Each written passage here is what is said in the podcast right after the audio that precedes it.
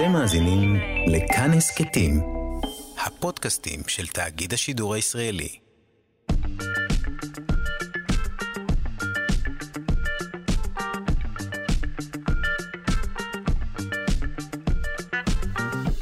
שלושה שיודעים.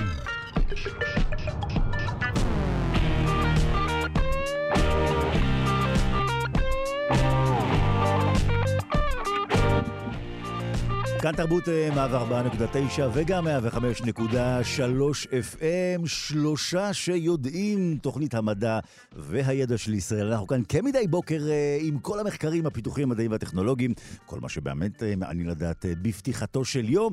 אז הנה הגיע הזמן לפתוח את הבוקר הזה, להסיר את קורי השינה ולשים את קורי המדע. להתמתח ולצאת אל המסע שלנו. המסע שלנו היום אה, עתיד לכלול אה, כמה וכמה עניינים בהחלט מעניינים וחשובים. האם אתם אנשים ששולחים הרבה אימוג'יז? אתם יודעים, שולחים לכם שאלה, אתם עונים בסמיילי, אה, משקפי שמש, חיוך, לב וגויאבה. אם אתם עושים זאת. אתם אה, תשמחו לדעת שיש מחקר חדש, מה זה אומר על אנשים שמשתמשים בהרבה אימוג'י, אנחנו נגלה. גם אה, נעסוק הבוקר הזה בשאלה האם טמפרטורה גבוהה יכולה להאיץ את קצב האבולוציה. שאלה בהחלט בהחלט מעניינת. אה, דיברנו בשבוע שעבר, 11 שנים, לאסון הרעש, הצונאמי ביפן. ו-11 שנים, בדיוק אחרי, הייתה רעידת אדמה נוספת. ניגע גם בסוגיה הזו. אה, גם נעסוק אה, בתרופה שנועדה לטיפול בסוכרת, אבל היא מצילה חולים אי ספיקת לב, מתוך שלא לשמה בא לשמה. ובסוף תהיה תרופה לנזלת שתציל אותנו מכל מחלה אפשרית. אה, עוד כמובן נעסוק הבוקר בתחרות מדענים ובמספרי סיפורים, גם במוזיקה. בקיצור, שעתיים שלמות וקדושות שעליהן אה, אמון צוות נרחב. העורך שלנו הוא רז חסון. החסון. המפיקה היא אלכס אלכסנדרה לויקר, איש הצלילים והכפתורים הוא סופר די-ג'יי אלון מקלר, וכאן אה, באולפן אה, נתיב רובינזון, שלושה שיודעים. אנחנו מתחילים.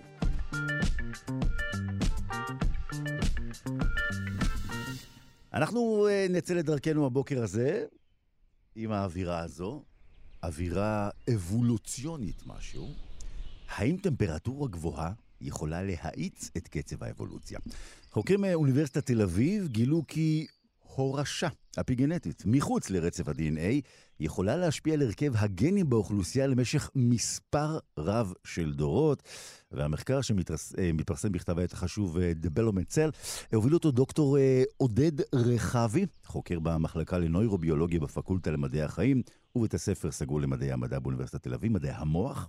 איתו גם צוות נרחב שמיד ככה נזכיר ונקרדט את כולם. אבל קודם כל, בוקר טוב לך, פרופסור רחבי. אהלן, בוקר טוב. בוקר טוב. אז uh, כמו שאמרנו, uh, מחקר שבודק האם טמפרטורה יכולה להאיץ את קצב האבולוציה, וזה אומר מה? אם חם, אז אפשר uh, להשפיע על ההורשה האפיגנטית, זו שמחוץ לרצף ה-DNA? כן, כן, אבל צריך לעשות קצת דרך בשביל להבין את זה, זה טיפה מסובך, אבל זאת המסקנה בסופו של דבר. אה, אני חושב שאולי כדאי קודם שנסביר מה זה הורשה אפיגנטית. אה, מסובך זה אנחנו, לכן אנחנו נשמח שתסביר. כן, וגם כן. אני, גם אני. מסובך זה אנחנו, כן. אוקיי. אז אז אה, כמובן יש את ההורשה הרגילה, שאנחנו מכירים את החוקים שלה כבר המון שנים, הורשה של דרך ה-DNA, שאת החוקים שלה בעצם כבר גילו במאה ה-19, עוד לפני שידעו שזה עובד דרך DNA.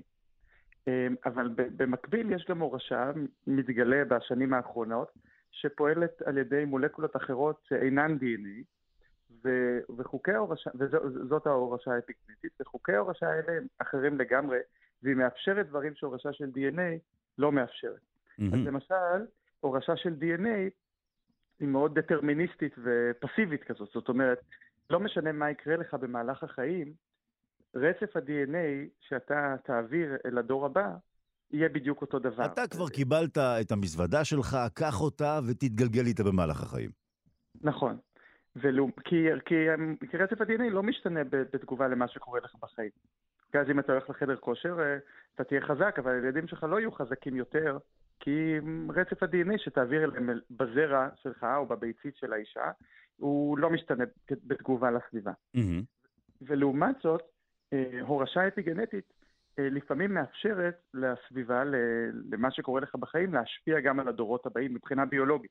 כמובן שאתה מעביר להם גם דברים אחרים כמו ירושה, אבל מבחינה ביולוגית זה לא אמור להשתנות דרך ה-DNA, והורשה אפיגנטית מסוימת יכולה לעשות את זה. כשאתה אומר מחוץ לרצף ה-DNA, אתה יודע, זה כבר נשמע מלהיט דמיון, כי כמו שאתה אומר, אנחנו יודעים באמת על אותה מזוודה שרצה איתנו כל החיים על, על המסוע הזה, ומחוץ לרצף ה-DNA זה אומר שמה, אפשר בדרך לאסוף טרמפיסטים לנסיעה הזו? כן, משהו כזה. אז באמת הוצאו כל מיני מנגנונים לאורך השנים של, אה, ש, אה, שיכולים להעביר אה, אינפורמציה לדורות הבאים לא דרך ה-DNA, כמו שינויים כימיים של מולקולות ה-DNA וכל מיני דברים אחרים. הדרך שאנחנו חוקרים היא הורשה של RNA, וכולם שמעו על ה-RNA עכשיו בהקשר של, הווק... של החיסון, אבל יש כל מיני סוגי RNA. ה-RNA שאנחנו מדברים עליו דווקא RNA אחר מה-RNA של החיסון, mm-hmm. אלה מולקולות RNA קצרות, שמורשות במקביל לרצף ה-DNA לדורות הבאים על ידי מערכת הורשה נפרדת עם חוקים אה, משלה. אה, ו- וזה משהו חדש שמגלים בשנים האחרונות. כרגע חשוב מאוד להסביר, ואנחנו עכשיו כמובן נפרט על זה, כן. אנחנו יודעים על זה, ב- אנחנו מבינים את זה הרבה יותר באורגניזמים מאוד פשוטים, כמו תולעים, ופחות בבני אדם, כי אה, מחקר על תורשה לוקח הרבה זמן והוא מסובך מאוד. אז זהו, אה, היות ומה שנקרא, אמ, אורך חייה של התולעת קצר יותר משלנו, אז אפשר בעצם לבדוק אותה לאורך חייה, כמו שאתה אומר, ומה שבאמת פה מעניין, שאפשר להשפיע, כלומר, לא רק שאנחנו יודעים שאפשר לאסוף את אותם טרמפיסטים, כפי שככה הגדרנו את זה, אה, אפשר גם להשפיע עליהם. נכון, אז באמת התולעת חיה אה, היא חיה בערך שלושה שבועות, אבל היא מולידה צאצאים אחרי שלושה ימים. אז כל שלושה ימים יש עוד דור. אז אפשר לבדוק את ההשפעה על המון המון דורות במהירות אה, גדולה, וגם לכל תולעת יש מאות צאצאים שהם לגמרי זהים גנטית, או כמעט זהים גנטית. Mm-hmm. אז אנחנו יודעים שהשינוי קורה דרך אה, האפיגנטיקה ולא דרך הגנטיקה. אנחנו יכולים להבדיל את התורשה מהסביבה. עכשיו, אותה מה... תולעת שהיא היא, כל שלושה ימים יש לה צאצאים, אה, היא עושה זאת בעצמה, היא זקוקה לעזרה של התולע, אם אפשר לקרוא לו ככה. לא קוראים לו ככה, אנחנו יודעים תולעת ממין זכר כמובן. כן, זה דווקא מונח טוב. אז התולעת... התולע, כן. כן. אז התולעת, לרוב, לרוב זאת תולעת. זאת אומרת, הזכרים הם מאוד נדירים באוכלוסייה באופן יחסי. זאת אומרת, היא לא זקוקה להם בעצם. היא לא זקוקה להם, התולעת היא הרמפרודיטית, זאת אומרת שהיא מייצרת גם זרע ואחר כך ביצית. ואז היא יכולה להפרות את עצמה. וכשהיא עושה את זה באמת מתקבלים צאצאים שהם כמעט זהים גנטית מבחינת ה-DNA לאימא. אז איך הצלחתם להשפיע באמת אמ, על, ה- על הרצף הזה? זהו, אז עכשיו, התולעת גם יכולה להזדווג עם זכרים, שהם בערך אחד לאלף באוכלוסייה, משהו כזה. אבל מכיוון שהם אה, נדירים, היא צריכה לקרוא להם. היא קוראת להם על ידי זה שהיא מפרישה, מפרישה פרומונים, mm-hmm. מולקולות ריח שמושכות את המין השני. אוקיי. Okay. והתולעת, אה, אבל, אבל לפני שהיא עושה את זה, היא צריכה לחשוב על זה, בגלל שהם אה, מחיר מאוד כבד ללהזדווג עם, עם זכרים. המחיר הוא, אחד, שזה מאוד uh, יקר אנרגטי, צריך להשקיע אנרגיה. אחר כך צריך, לשל... ש... צריך לשלם מזונות, וצריך לשאול אותו אם הוא מסכים לאיזה גן ילך הילד, אתה צודק. כן, כן מסבך את החיים בקיצור. כן. כן, יש דברים אפילו יותר גרועים. כן. וחוץ מזה, הכי חשוב מבחינתנו אה, לאבולוציה, זה כשמזדווגים עם זכר, מדללים בעצם את המטען הגנטי שאתה מעביר לדור הבא בחצי. כי במקום שתעביר את מלוא הגנום שלך... 50 אחוז אמא, 50 אחוז אבא. בדיוק. אז זה מחיר מאוד כבד. הפלוס, הרווח שמקבלים מדבר כזה, הוא שאחרי ההזדווגות, בעצם המטען הגנטי של, שיהיה לילד יהיה הרבה יותר מגוון. פרופסור רחבי, אתה מותח את עצבינו המרוטים ממילא, ואנחנו כאן יושבים כסוסי ציפורניים אל הרגע המכריע. חיממתם את התולעים? עשיתם להם כן. נעים בגב? איך זה קרה? נכון. אז, אז, אז חיממנו את התולעים, האמת היא שהתעללנו בהם, לא התעללנו בהם, אה, שאף אחד לא התעצבן, אבל הם יצורים קטנים ושלא סובלים, אבל mm-hmm. שמנו אותם בטמפרטורה אה, קצת יותר גבוהה, שהיא עדיין טמפרטורה נוחה בשבילן, שזה 25 מעלות במקום 20 מעלות, כן. וכשעושים להם את זה, מה שקורה זה שמשתנים ה-RNA הקטנים שהן מוסרות שהן מוסרות לדורות הבאים. וה-RNA הקטנים שמשתנים הם RNA שמשפיעים על איכות הזרע. Mm. ואז מה שקורה זה שהזרע של הדורות הבאים, וזה ממשיך להרבה דורות קדימה, זה לא רק לדור אחד, אלא שלושה דורות קדימה, בגלל שה-RNA הקטנים שהורשו, שובשו. RNA זה, זה בעצם uh, משפיע על העברת המידע הגנטי מה-DNA לחלבונים.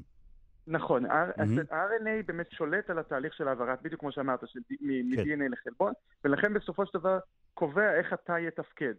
עכשיו, כששמים את. את התולעת בטמפרטורה קצת יותר גבוהה, מורשים RNA קטנים אה, לא נכונים, וזה גורם לשיבוש בפעולת הזרע. ברגע שהזרע לא פועל בצורה מיטבית, הוא עדיין פועל אבל לא, לא בצורה מיטבית, אז הביצית לא עוברת הפריה על ידי הזרע שהתולעת מייצרת. וכשזה לא קורה, התולעת mm-hmm. מרגישה את זה, ומתחילה להפריש את הפרומונים כדי לקרוא לזכרים שיספקו מהזרע שלהם. ואז, ואז אנחנו רואים שמה שראינו בניסויים זה שהיא מזדווגת הרבה יותר עם זכרים אה, כשאבותיה אה, אה, גדלו בטמפרטורה קצת מלחיצה, בטמפרטורה קצת יותר גבוהה. אה, אמור לנו, כשאנחנו אומרים אה, טמפרטורה גבוהה, על מה, על מה אנחנו מדברים? איזו, טמפרטורה? אנחנו מדברים על עלייה של חמש מעלות, מ-20 מעלות, שזו טמפרטורת גידול מאוד נוחה לתולעת, mm-hmm. ל-25 מעלות, שזה עדיין טמפרטורה שבה התולעת פוריה ובסדר, וגם חוקרים מגדלים את התולעת בטמפרטורה הזאת, אבל זה קצת יותר מלחיץ, ואפשר להתייחס לזה בתור איזה לחץ עדין כזה. רגע, אז עם התחממות. עם התחממות כדור הארץ, בסופו של דבר זה, לכולנו זה יכול לקרות מתישהו. נכון, זה בטווח הטמפרטורות, עליית הטמפרטורות שהוא סביר, ולא איזה פתאום לשים אותם ב-50 מעלות או משהו כזה. כן. אז בואו בוא רק נזכיר ברשותך, בואו ככה ניתן את הקרדיטים. אה, כמובן, אתה הובלת את המחקר, אמרנו, וגם דוקטור איתי טוקר, דוקטור איתמר לב ודוקטור יעל מור, הם עשו את הדוקטורט בהנחייתך. אה, כולם מהפקולטה לנוירוביולוגיה בפקולטה למדעי החיים, אה, בית ספר סגול למדעי המוח באוניברסיטת תל אביב, וגם שיתוף פעולה עם אוניברסיטת אה, רוקפלר בניו יורק, נכון? נכון מאוד. והם באמת האנשים שעשו את העבודה, אני רק כותב את האימייל ומדבר עם אנשים. אתה איש צנוע, אתה איש צנוע, אני רק כותב את האימייל, תראו, אני בסך הכל... אמ, אנחנו מרשים לך לנפח את זה בגאווה, אנחנו מדברים פה באמת על משהו מיוחד. פרופסור אה, עודד רחבי, אה, חוקר במחלקה לנוירוביולוגיה, אנחנו רוצים מאוד מאוד להודות לך, ותשמע, אם עכשיו אה, מישהו יגיד, שושי, חם פה בבית, נבין מה הסיבה. תודה רבה. תודה רבה, ביי ביי.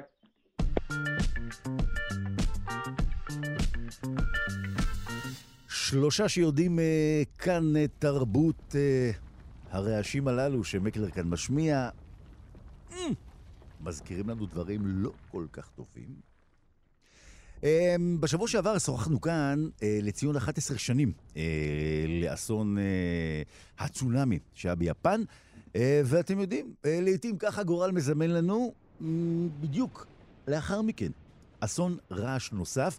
אה, אסון הצונאמי הגדול היה אה, תשע בסולם ריכטר, הפעם אה, רעש בעוצמה של 7.4. הוא פקד את יפן סמוך לחופי הצפון-מזרחיים, ובניינים רעדו גם בבירה טוקיו, וגם נותקו מאות אלפי בתי אב מחשמל. נאמר עכשיו שלום לדוקטור רון אבני, מרצה לרעידות אדמה באוניברסיטת בן גוריון בנגב. בוקר טוב, רון.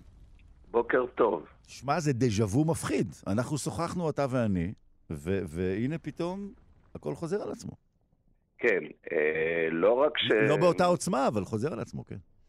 נכון, זה לא, באותה, לא באותו גודל או עוצמה, אבל זה באותו אזור, באותו mm-hmm. מערך אה, טקטוני, ומאז שהתרחשה אותה רעידת אדמה נוראית שהייתה 9-1 במגניטודה 9.1, mm-hmm. אה, מאז התרחשו, ועד היום התרחשו כבר 33 רעידות אדמה שהן גדולות משבע. גדולות משבע? גדולות משבע. אבל, אבל עדיין זו ספציפית זו שלכדה אה, את אוזנינו ועינינו. כי היא הכי אה, עכשווית. כן, כן, כן. כן,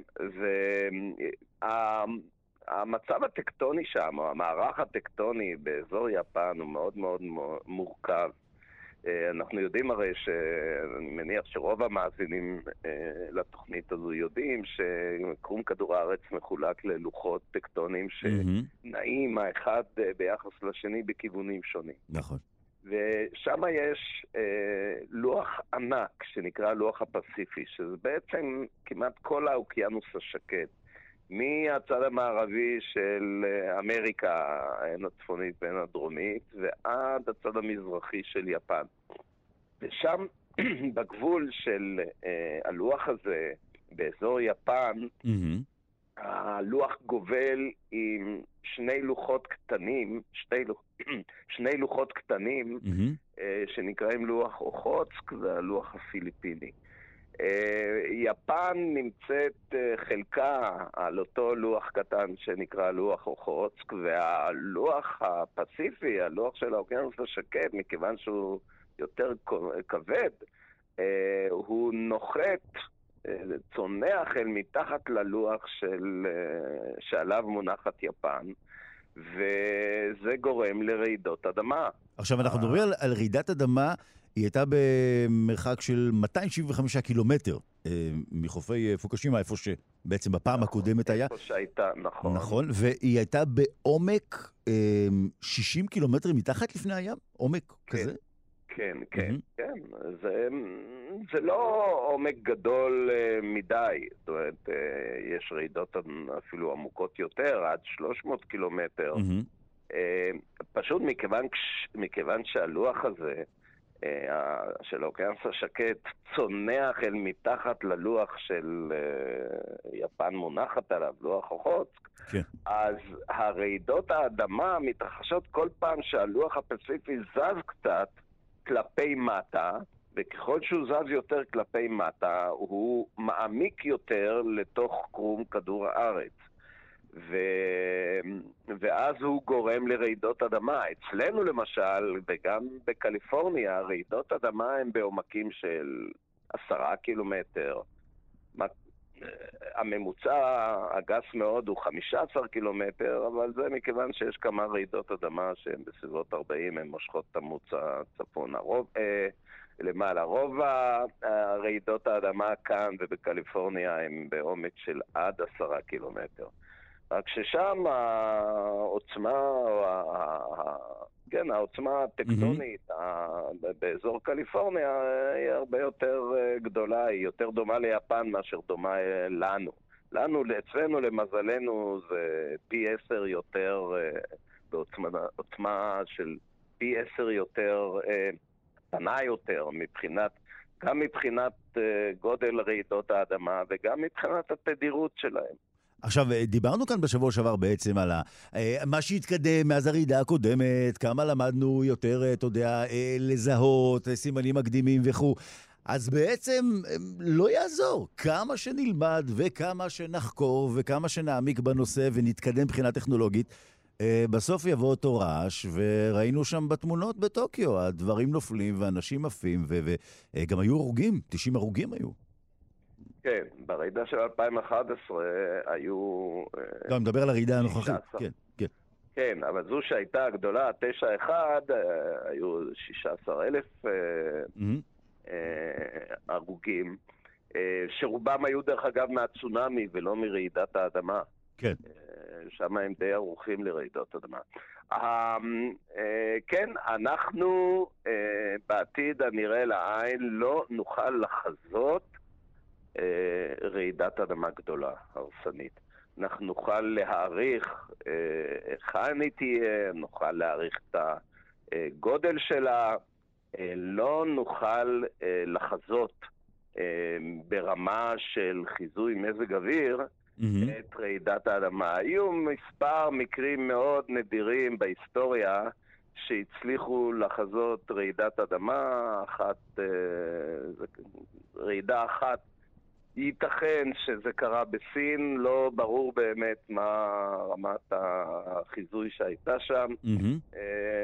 אחת נחזתה בארצות הברית ברמה של שעות, ואחת במקסיקו. זהו, זה כל מה שידוע על... וכולן, דרך אגב, כל אותן שלושת רעידות האדמה שנחזו מראש, mm-hmm. הם נחזו מכיוון שהתרחשו מה שנקרא רעידות אה, מקדימות זאת אומרת שהיו סימנים מקדימים. כן. אה, אה, דוקטור רון אבני. גם כן. לרעידה הזו קדמה רעידה בגודל של 6.4, שהיא רעידה, זו הרעידה ש... שהגודל, בגודל הזה מפחדים כאן מ... מישראל, זו הרעידה שצפויה כאן להתרחש. היא, התרחש... היא התרחשה שתי דקות לפני הרעידה הגדולה של ה-7.3. אגב, אה, עמיתינו בתאגיד השידור הציבורי ביפן, הם באמת נתנו גם את הנתונים על הרעידה הראשונה שאתה מדבר עליה, על 6.4. ואני רוצה לומר לך עוד דבר, דוקטור רון אבני, זה לא שלא נחמד לדבר איתך, אפילו מאוד נחמד, אבל אני מקווה, אתה יודע, שלא נצטרך שוב לנהל את השיחה הזאת אה, בקרוב. זאת אומרת, נדבר על דברים אחרים, בסדר? לא נעלבת, נכון? מק... לא נעלבת. גם, גם אני מקווה, אבל okay. אני חושב שזו תקוות שווא. אולי לא איתי תדברו, אבל תדברו עם מישהו אחר על... אז שמע, נסיים את שיחתנו אה, עם אה, המילים מתוך שירה של חווה אלברשטיין לפתח הר הגעש. זה דומה, אתה יודע, זה הרגש. שם שרה חווה אלברשטיין ככה. כשאתה קורא בעיתונים על התפרצות הרגש בסיציליה, על גבורתם של שני כפרים שלמים בניקרגואה, בצ'ילה או בהודו, כשאתה קורא בעיתונים אתה שואל את עצמך מדוע? מדוע זה שווים העיקרים דווקא למדרונות אשר בגדו?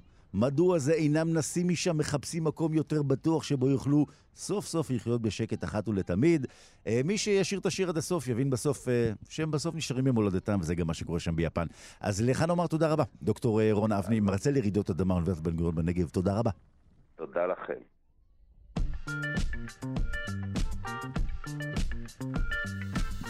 שלושה שיודעים, כאן תרבות.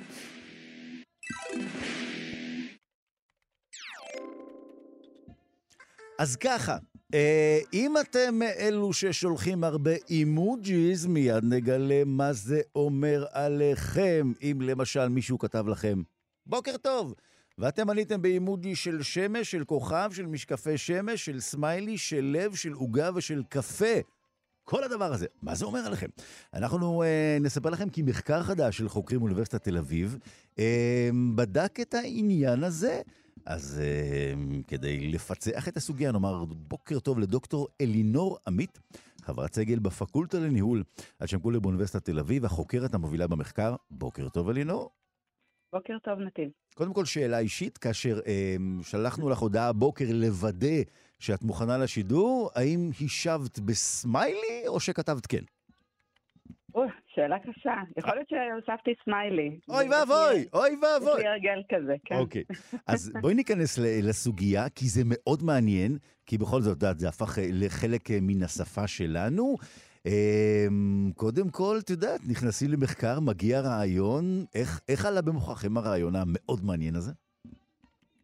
אמ, או, שאלה טובה. תפקידנו לשאול שאלות טובות, כן. תפקידנו, כן. אה, אני, יכול להיות שזה, אני כבר באמת לא זוכרת uh, בצורה מדויקת, אבל יכול להיות שזה פשוט בא מההתנסות האישית uh, שלי ושל הקולגות שלי למחקר, שי mm-hmm. דנציגר, גם הוא מהפקולטה לניהול, ופעם סמית מאוניברסיטי אוף סן דייגו, mm-hmm. uh, בגלל שגם אנחנו משתמשים כל הזמן באמוג'יז ובשמים תמונות בפייסבוק, בדיוק כמו כולם. ואז, איך עורכים מחקר כזה? זאת אומרת, קחי אותנו. לפרטים? אה, בעצם הנקודה החשובה כאן זה שכולנו באמת משתמשים בזה, ולכן רצינו לבדוק מה זה עושה מבחינת התפיסה של מי ששולח. ומה שעשינו, עשינו אה, המון ניסויים. יש אה, במאמר לדעתי תשעה ניסויים, אבל בפועל עשינו עוד יותר אה, ניסויים. והראינו שכשמשתמשים, כשאנשים משתמשים באמוג'יז, הם נתפסים פחות חזקים. פחות חזקים? ש... פחות חזקים מאנשים ש... לא משתמשים אה, באמוג'יז או בתמונות בכלל. אנחנו, האמת היא, ווא. המחקר מתייחס לא רק לאמוג'יז, אלא גם אה, לתמונות שאנשים אה, שמים בפייסבוק מהחופשה שלהם, גם ללוגויים אה, של חברות. אתה לובש אה, אה, כובע עם הלוגו של אה, אה, רשות השידור, אז אה, אם זה לוגו ויזואלי לעומת לוגו מילולי, זה יכול לגרום לך להיראות מאוד שונה. בעיני אחרים, מבחינת תפיסת הכוח שלך. אלינור, את אה, תשבשי עכשיו את אה, אה, תנובת האימוג'י ברחבי הארץ, כי את אומרת שמי ששולח אימוג'י נחשב רכרוכי יותר. אוי ואבוי לנו. עכשיו כולם ירצו להיות גיבורים ולא ישלחו. זה יהיה נזק גדול את עכשיו גורמת כאן. חס וחלילה. Mm. יש כאן נקודה עדינה, אבל מאוד חשובה.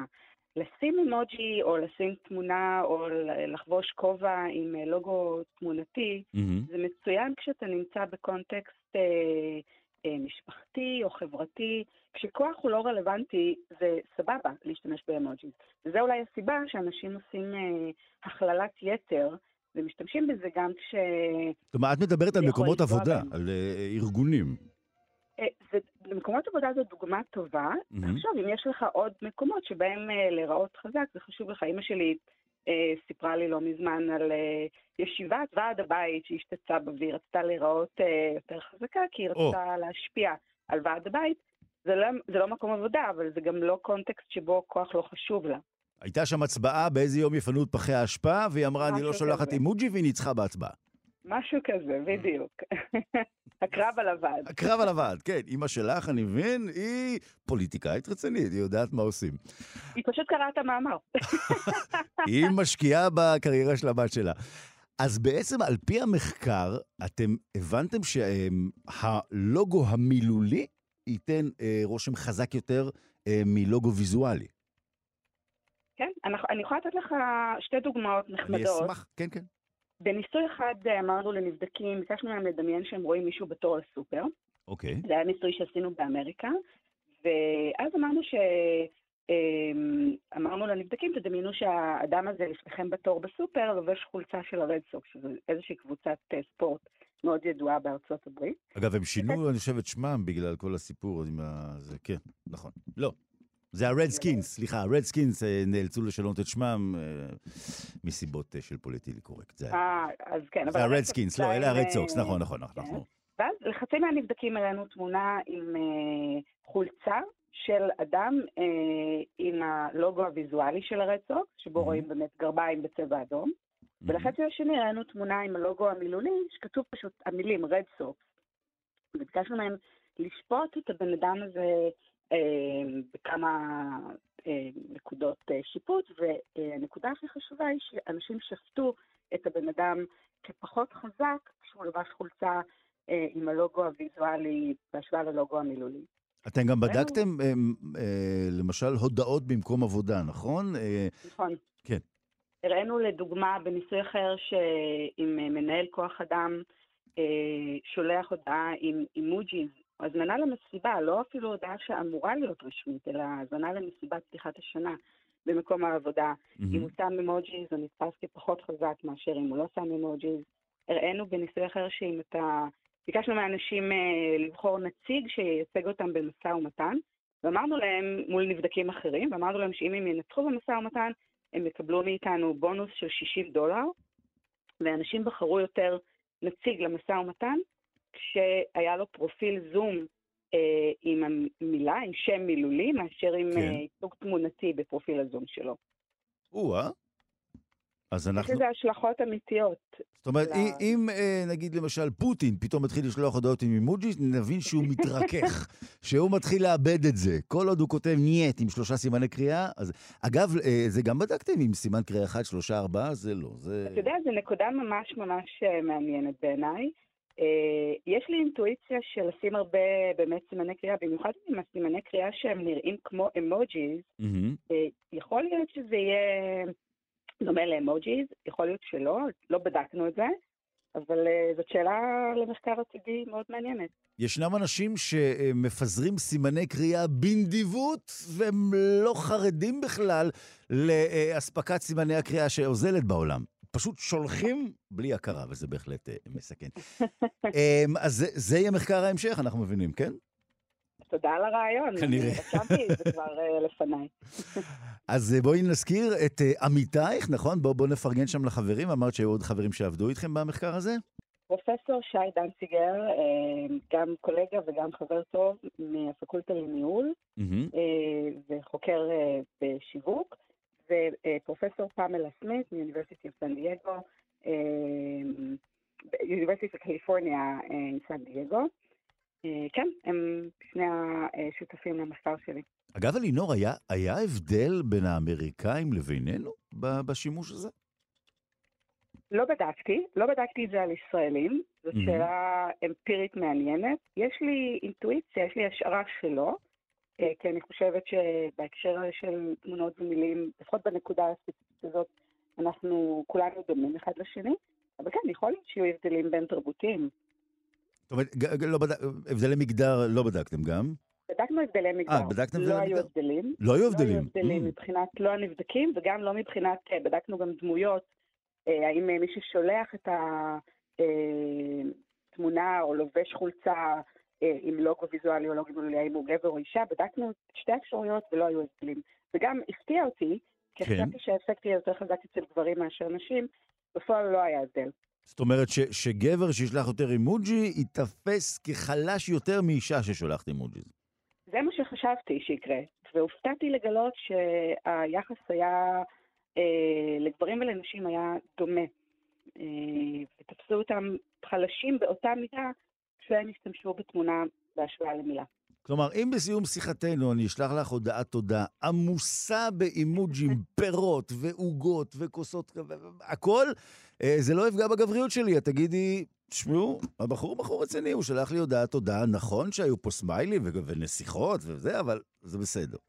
אתה תתאפס כפחות חזק. אבל אה, זה לימוד. בדיוק כמו שאישה תעשה את זה. אלינור, אקח את מילותייך ואהפוך אותם לאימוג'י, והדבר הזה יעזור. אז אם כן, המחקר החשוב הזה של הבוקר, שבו אנחנו מגלים כאמור, אם אתם שולחים יותר מדי אימוג'יז, אתם תתפסו כחלשים, והיא באה לכם להיות אה, חזקים, בריונים, אה, וגם להצליח בישיבות אה, ועד הבית, כמו אימא של אלינור, אז פשוט תכתבו אני נגד להדליק את האור בחדר המדרגות בערב עם שלושה סימני קריאה. דוקטור אלינור עמית, חברת סגל בפקולטה לניהול השם מקולה באוניברסיטת תל אביב, החוקרת המובילה במחקר. תודה רבה וסמיילי. תודה רבה, נתיב. וסמיילי, לא אמרת סמיילי. וסמיילי. יש, תודה.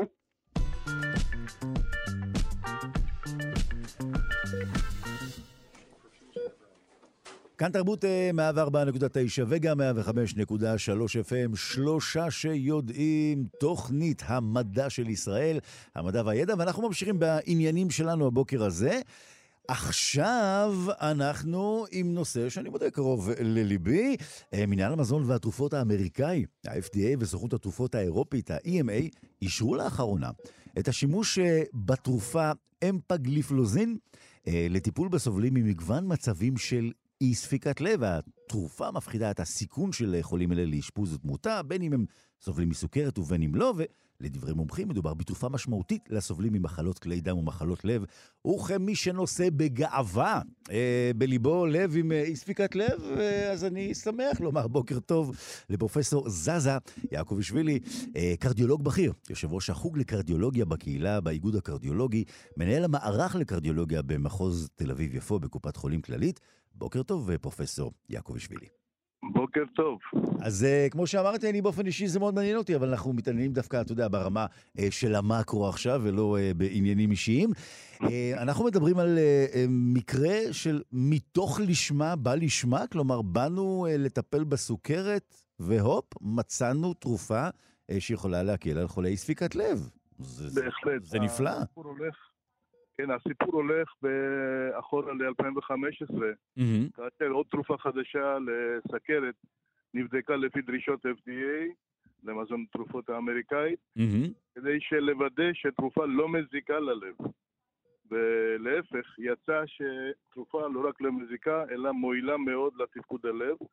והדברים המרעישים ביותר היו שדווקא התרופה הזאת הורידה כמות של אי לב בחולים סוכרתיים. משם התחילה הצעדה של התרופה בתוך מחקרים אין ספור, mm-hmm. ולפני מספר שנים התפרסמה, התפרסם מחקר הראשון שנעשה בחולים לא סוכרתיים עם ספיקת לב, וכאן הייתה באמת רעידת אדמה גדולה שבחולים עם מקטע פליטה ירוץ, שזה סוג קשה יותר של ספיקת לב. נכון. שם תרופה הורידה תמותה ואירועים חוזרים של אשפוזים בגלל סיבות קרדיאליות. אז ת, תכף ניכנס לאזורי המקטע, אה, מה שנקרא, העולה והיורד, ושחרור שריר הלב. אבל אתה בעצם אומר לנו שהמחשבה הראשונית הייתה, בוא נבדוק שזה לא עושה נזק. כלומר, אה, מתוך אה, אה, בדיקה של בוא נלך על דרך האלימינציה, פתאום קיבלנו דבר חיובי. זו תופעה שכמובן משמחת אותנו, עד כמה היא מתרחשת? אה, תופעה היא די נדירה, זה רק אומר עד כמה חשוב צמוד אחרי כל התופעות לוואי של התרופות, מדי. פעם מתופעות לוואי יוצרים לדרכים חדשות לטיפולים שלא חשבנו עליהם מקודם. והתרופה הזאת בעצם המשיכה להתקדם, והיא נבדקה ממש לפני מספר חודשים, מסתיים מחקר הגדול בסוג השני של ספיקת לב, שזה מקצת פיתה שמור. כאשר מי שמבין בעניין ואתה מבין בזה, mm-hmm. אנשים שיש להם תפקוד לב יחסית שמור, אבל עדיין יש להם תופעות של ספיקת לב, עד עכשיו לא הייתה לנו שום תרופה שמורידה תמותה ותחלואה חוזרת במטופלים האלה. התרופה היחידה שעשתה משהו לטובת המטופלים זה היה פוסיד, משתן, שלא, לצערנו, לא האריך חיים של המטופלים. אגב... וכאן הגיעה תרופה, אותה תרופה שדיברנו קודם במקטע פליטה עם תפקוד לב ירוד, כרגע בתפקוד לב שמור, זאת התרופה היחידה בינתיים שהראתה ירידה בתוצאה משולב של אשפוזים חוזרים ותמותה מסיבות מחלות לב.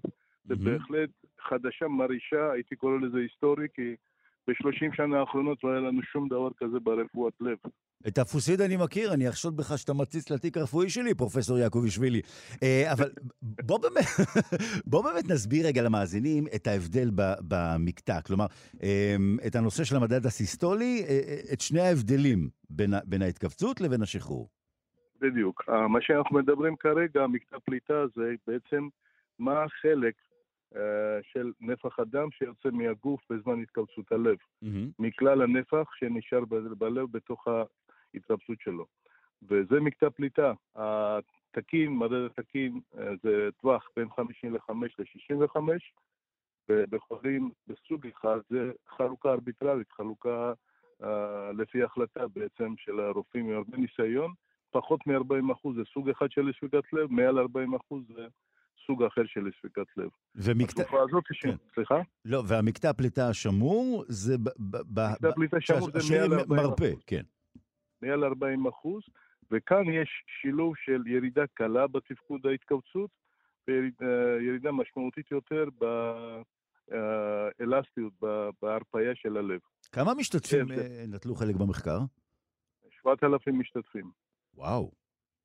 אה, כן, ועכשיו בעצם יש לנו תרופה שמועילה לאורך כל הספקטרום של אה, חולי שפיקת לב, עם מקטע פליטה ירוד מ-20, 25, 30, 40 אחוז, עד ל-60 אחוז, כל המטופלים נהנו מזה, ועכשיו בכלל יש uh, חלוקה חדשה.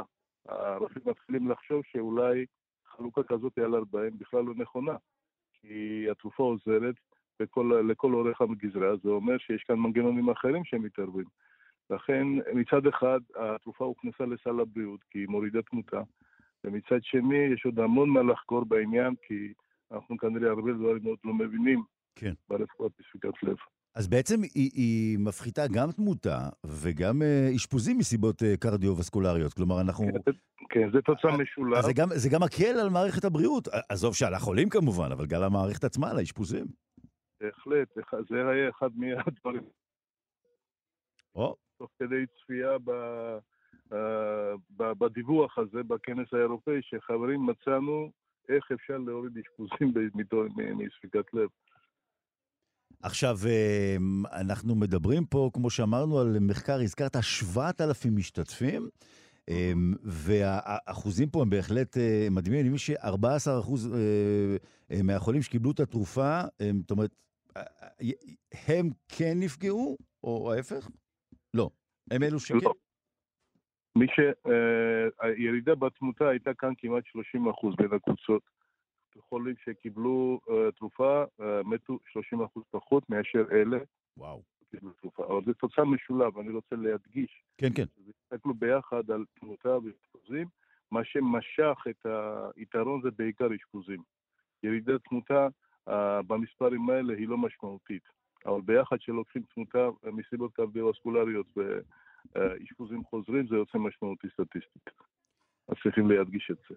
אז אותה תרופה עם השם הבאמת חביב, אמפג ליפלוזין, אגב, למה תרופות אלה הם שמות? אתה יודע, שם יותר נחמד. נקרא לתרופה ברכה. זה יותר קל להגיד את השם. בכל אופן, אותה תרופה בעלת השם המסובך, אם המקור הרי נועדה לסלק את הסוכר דרך הכליות, נכון? בהתערבות בעצם במנגנון נכון. הספיגה של הגלוקוז. זה יפריש סוכר דרך הכליות, בדיוק, זה המנגנון שלו העיקרי. אז בעצם הזכרנו את הפוסיד קודם, שהוא אמור להיות משתן, אז אה, היא עושה בעצם אותה, אותה פעולה וטוב יותר. אה, עושה אותה פעולה, טיפ-טיפה יותר חלש מפוסיד מבחינת כושר השיתון, אבל כנראה הרבה יותר בטוח, וכנראה עושה את זה בדרכים הרבה יותר נכונות מאשר פוסיד. הוא לא גורם להפרעות אלקטרוליטריות, הפרעות מלחים בגוף, גורם לירידה זמנית mm-hmm. בחודש הראשון, שזה משתפר אחר כך. התרופה מגנה על הכליות. הקצב התקדמות אה, חולי ספיקת כליות, גם כן התרופה הזאת כן. מאיתה. לשם הגינות צריך להזכיר שיש לו תרופה נוספת מאותה קבוצה בשם דפגליפלוזין, שהיא גם רשומה בארץ. Mm-hmm. התרופות נבחרות, רצות במקביל, כל אחד מפרסם מחקר משלו, וכרגע אנחנו מצפים uh, גם למחקר של תרופה השנייה של דפגליפלוזין, כן. לאותה קבוצת החולים, שזה כנראה אם זה יהיה אותה תוצאה, זה מאוד יחזק את הנושא שקבוצת התרופות האלה, הן בעצם עושות מהפכה. אז uh, הזכרנו שמינהל המזון והתרופות האמריקאי, ה-FDA, וגם האירופי, ה-EMA, אישרו את השימוש בתרופה. Um, אז זה אומר שגם כבר בארץ אנחנו יכולים uh, ליהנות uh, ממנה? Uh, בארץ זה עדיין לא בסל בהתוויה הזאת. תרופה נמכרת בהתוויות אחרות, טיפול לסכרת, טיפול לחולי ספיקת לב עם מקטע פליטה ירוד זה בסל. ובחולים עם מקטע פליטה שמור, זה יוגש כנראה לסל הקרוב וייכנס. במושלם, בביטוחים מושלמים כן. של הקופות, כבר אפשר לקבל את התרופה. טוב, אה, כאשר יציעו לי אותה, אני אדווח לך ונדע שהיא כבר, כבר הגיעה אלינו. אה, שאלה אחרונה, אה, חולי הסוכרת לא נעלבו? אתה יודע, חיפשו תרופה עבורם, ופתאום אמרו, חבר'ה, זוזו, אנחנו נותנים את זה לחבר'ה מהלב, כן? זה... אתה תיתן לעצמך שלא רק שחולי סוכרת לא נעלבו, אפילו המטופלים שלהם, רופאי סכרת לא נעלבו. אז כולם מרוצים. בהחלט, בהחלט. יצאנו וכולנו מרוצים. אמ, בהחלט חדשות, כפי שאמרנו כאן, מדהימות. אה, פרופסור אה, זזה יעקובישווילי, קרדיולוג בכיר, יושב ראש החוג לקרדיולוגיה בקהילה באיגוד, באיגוד הקרדיולוגי, מנהל המערך לקרדיולוגיה במחוז תל אביב-יפו בקופת חולים כללית. תודה רבה ובוקר טוב ולבבי ומשובח. תודה רבה ובריאות טובה. תודה.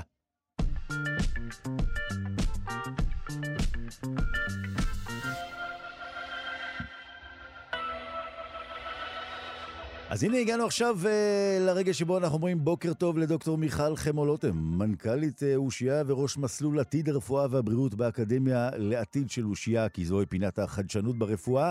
שלום מיכל, בוקר טוב. שלום, בוקר טוב, שבוע טוב. שמעי נא, אי אפשר לשמוע את קולך מבלי שהמילה טרנד עולה לנו במחשבות. אה, אגב, זה קורה לך עם עוד אנשים או רק איתנו? האמת שרק איתכם, כי אנחנו בסדרת המגה טרנדים. אה, אוקיי, אז, אה, אז אה, נקרא לך אה, דוקטור מיכל חמו לוטם טרנד. הבוקר אנחנו עם טרנד מדידה עצמית ופרסונליזציה? כן, לגמרי. או. זה נקרא באנגלית quantify self.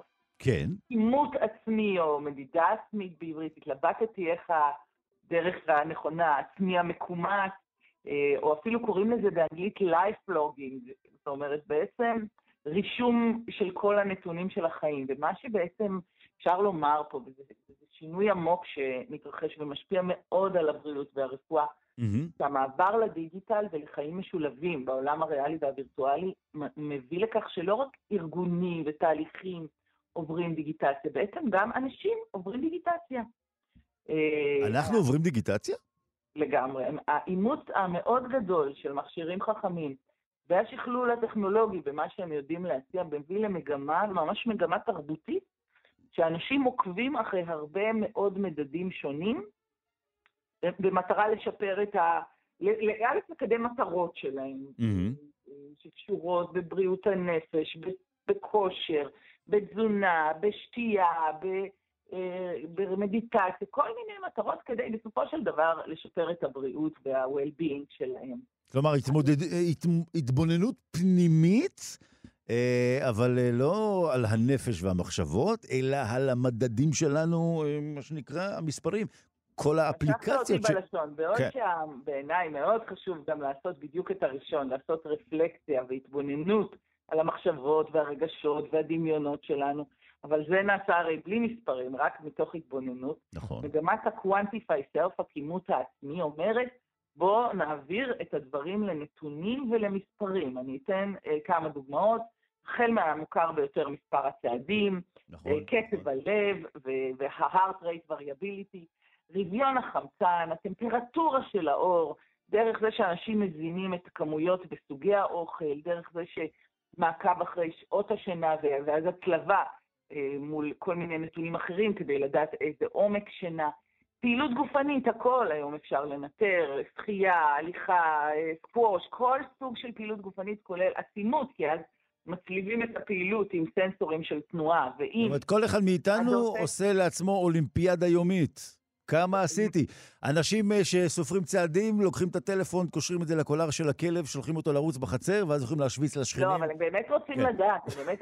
לא, לא, לא, ברור, ברור, ברור. בסופו של דבר, מקבלים גם את היומי, אבל הם מתחילים לקבל מגמות לאורך זמן, כולל כמה מהתנועה שלהם נעשתה בזונה של, ה, של, ה, של הפעילות הקרדיו, לא רק פעילות גופנית שמפעילה את הלב. ובפירוש מצד אחד יש פה מגמה התנהגותית, בני אדם מודדים את עצמם, ומשתמשים במדידות האלה לשפר את הבריאות ו- וגם לטפל במחלות, אני תכף אתן דוגמה, אבל גם נוצר... זהו, פשוט... אנחנו פשוט כבר מגיעים לסיום לצערי, אז רק, רק במילה אחת, משפט באמת אחרון. משפט אחרון, שוק של 39 כן. מיליארד דולר ב-2026, אנחנו מדברים לא רק על אורחות חיים, אלא ממש על ניטור מחלות, יש אחד הניטורים הוא של רמת גלוקוז, סוכר מתמשכת בדם, ואז אפשר לראות את התגובה לפעילות גופנית או לאכילה, ובאמת אה, מדובר פה החל ממניעה וקידום בריאות ועד uh, טיפול במחלות, ותחזיות מוקדמות של uh, התקפי לב, של אין סוף מחלות, אנחנו, כולל קורונה. אחת האפליקציות החכמות התחילה לנבא, אנשים mm-hmm. בקורונה עוד לפני שהם חלו. זאת אומרת, מדובר פה על מגמה גדולה ש, שמכשירי בריאות נכנסים לתוכה, בני אדם ומערכות בריאות. מיכל, אין ספק שמבשרת הטרנדים את, ובמקרה הזה, כמו שאמרנו היום, מדידה עצמית, פרסונליזציה. אנחנו עושים לעצמנו דיגיטציה. דוקטור מיכל חמלוטם, מנכ"לית אושיה וראש מסלול עתיד הרפואה והבריאות באקדמיה אה, לעתיד אה, של אושיה. אם בא לכם שיעשו לכם דיגיטציה, צלצלו למיכל. תודה רבה, מיכל. תודה, שבוע טוב.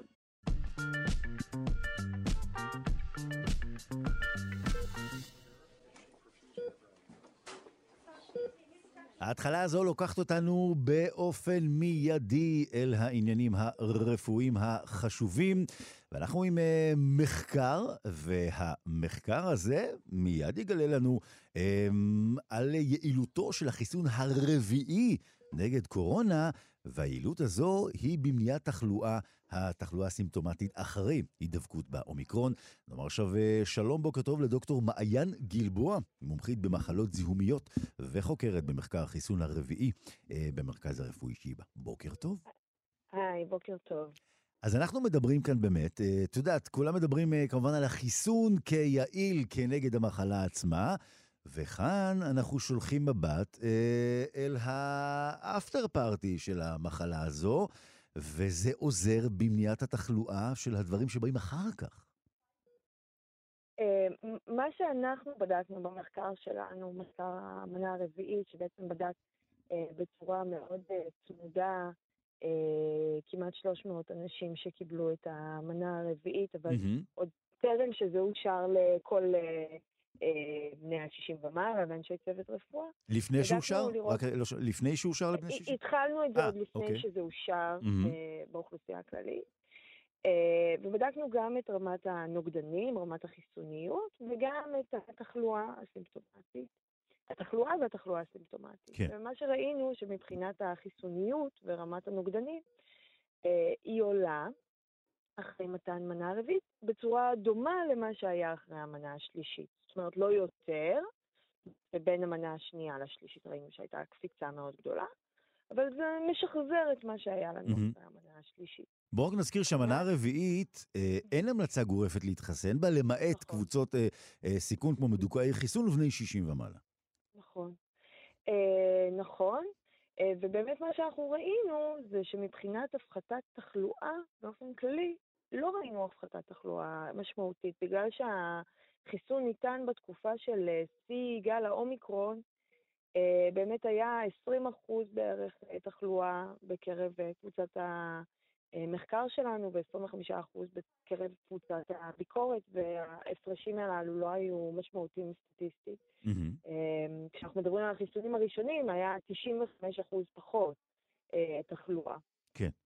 בקרב מי שהתחסן. אז זאת אומרת, זה לא הגנה משמעותית מפני מחלה, אבל כן, כשהסתכלנו על מחלה סימפטומטית, מחלה ממושכת עם חום וכן הלאה, אז כן, אלה שהיו מחוסנים במנה הרביעית חלו פחות במחלה סימפטומטית משמעותית. ונבדקו אה, החיסונים גם של פייזר וגם של מודרנה, זאת אומרת, באותה מידה? כן, אה, זה אנשים שקיבלו שלוש מנות של פייזר, כמו רוב אוכלוסיית מדינת ישראל, כן.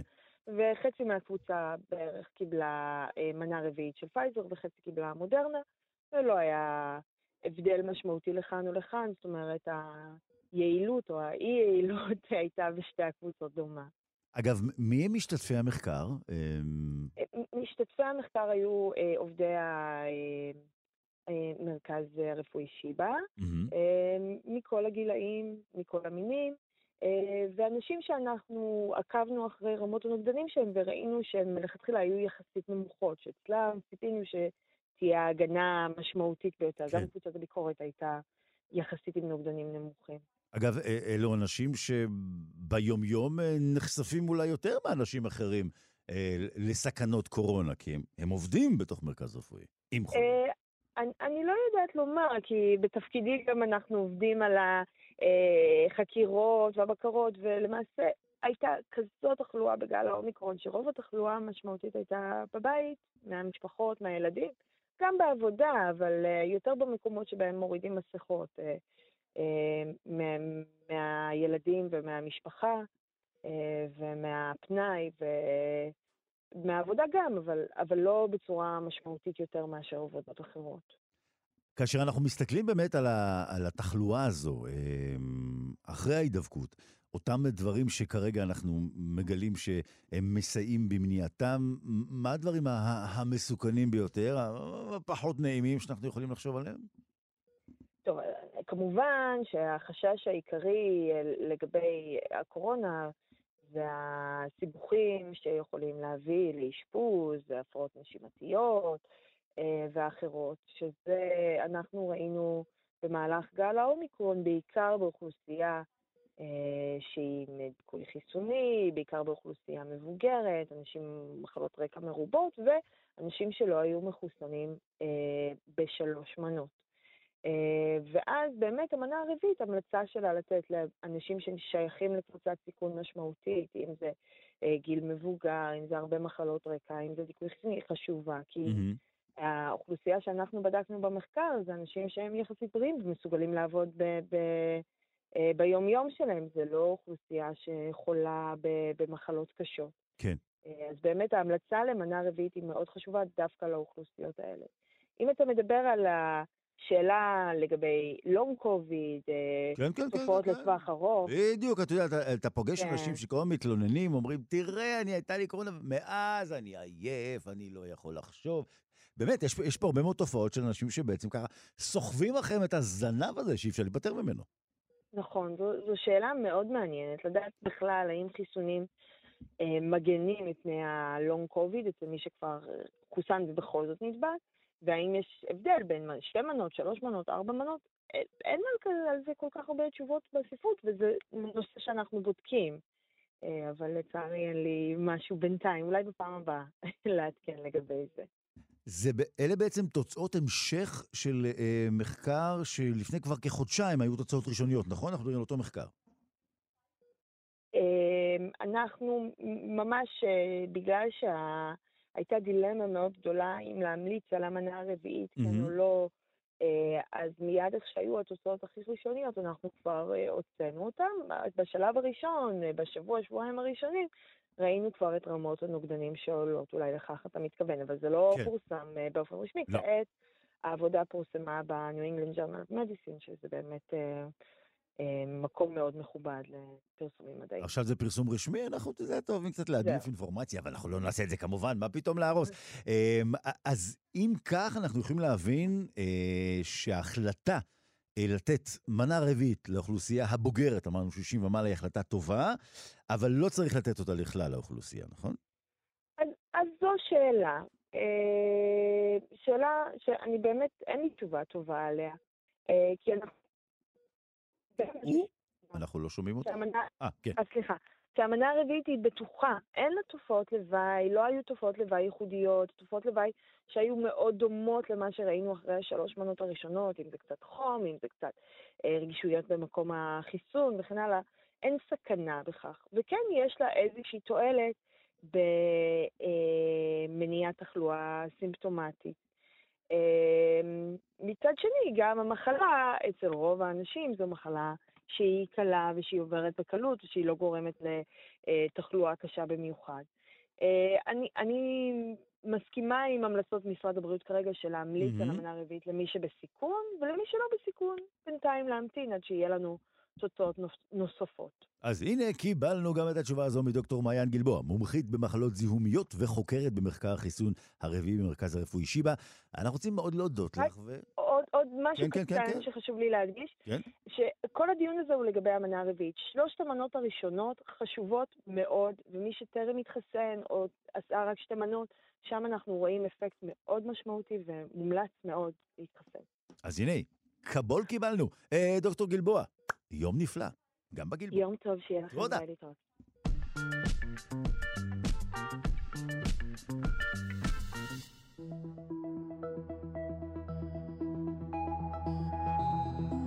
כאן תרבות שלושה שיודעים, אנחנו עכשיו נרגשים לשאת את עינינו אל התחרות הארצית המתקיימת זו השנה ה-25 בניהולו של מוזיאון המדע בירושלים, ששם המדענים והמדעניות הצעירים והצעירות אה, של ארצנו הקטנטונת יציגו פרויקטים מצטיינים.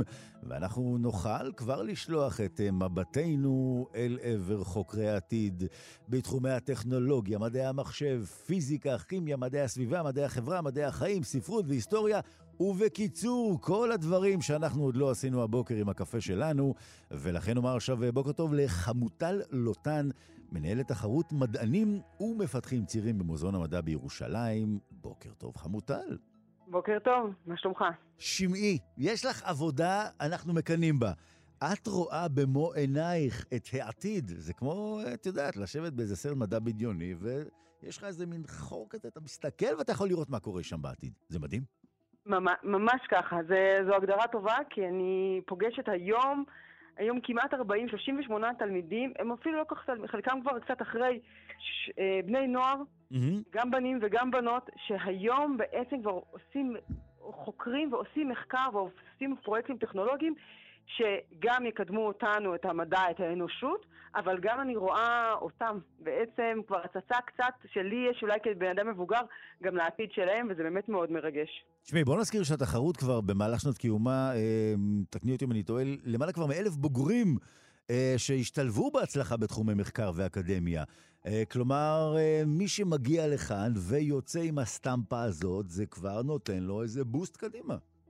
ממש, כי הם בעצם, זה כולם חבר'ה שבזמן, במהלך הלימודים שלהם בחרו לעשות משהו נוסף. עוד עבודה, עוד פרויקט, עוד מחקר ברמה של חמש יחידות לימוד, וזה לא דבר, אה, לא דבר רגיל, זה עוד שעות ועבודה מאוד עצמאית, שזה דבר שהוא גם מאוד מאוד מוערך, ובסופו של דבר הוא החיים עצמם, כי אנחנו בסופו של דבר עושים פרויקטים ועבודות ולומדים בעצמנו אה, כאדם אה, אחרי התיכון, mm-hmm.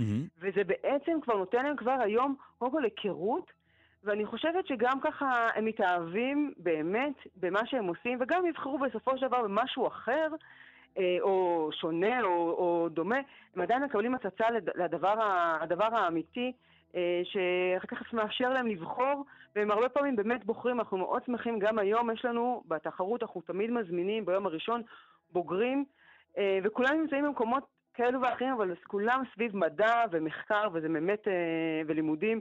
וזה באמת מאוד uh, יפה לראות. תשמעי, לא רק שהם יהיו חוקרים מובילים, אולי גם הם יזכו יום אחד להיות מרואיינים בשלושה שיודעים, שזה, זו, זו פסגת קריירה של uh, מדען. בוא נזכיר, הם בגילאי 17 עד 21, נכון? 17 עד 20, כן. 17 אנחנו עד בעצם 20. בוחרים, בעצם עבודות, הם, ההגדרה היא קודם כל גם הגיל וגם העבודות שהן ברמה של חמש יחידות לימוד, ואנחנו בוחרים גם, הגילאים הם משמעותיים, כי אנחנו אחר כך, את הזוכים, אצלנו, מתוך הזוכים שלנו, אנחנו בוחרים בעצם לייצג, התחרות שלנו היא זו שבוחרת לייצג, אה, לשלוח את הזוכים לתחרויות בינלאומיות. כן. בדיוק. ב-ISF זו תחרות בינלאומית שכבר מתקיימת 70 שנה בארצות הברית, ומאגדת משהו כמו 1,800 תלמידים.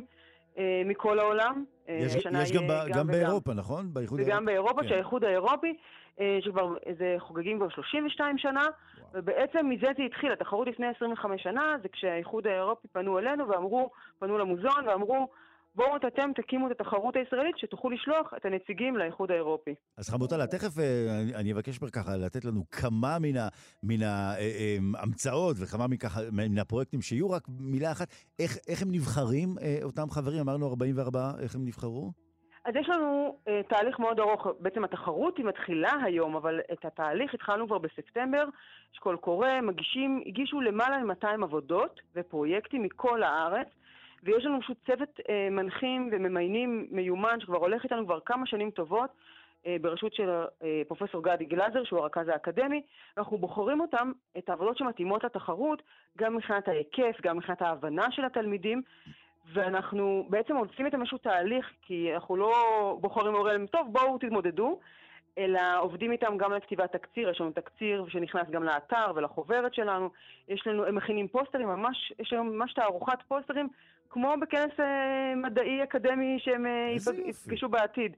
אז כל ההכנה הזאת היא, עם הממיינים והמנחים שלנו, שהם. חלק מהצוות של התחרות, ומחר הם פוגשים אה, כ-30 שופטים אה, שגם אני גאה ו- ותמיד נרגשת לפגוש את אותם אנשים כל פעם, כי כן. זה אנשים שחשוב להם, זה כולם חוקרים ואנשים מהתעשייה, שאומרים, זה הדור, זה דור העתיד, ושמחים לקחת חלק באים, כמובן בהתנדבות. יופי.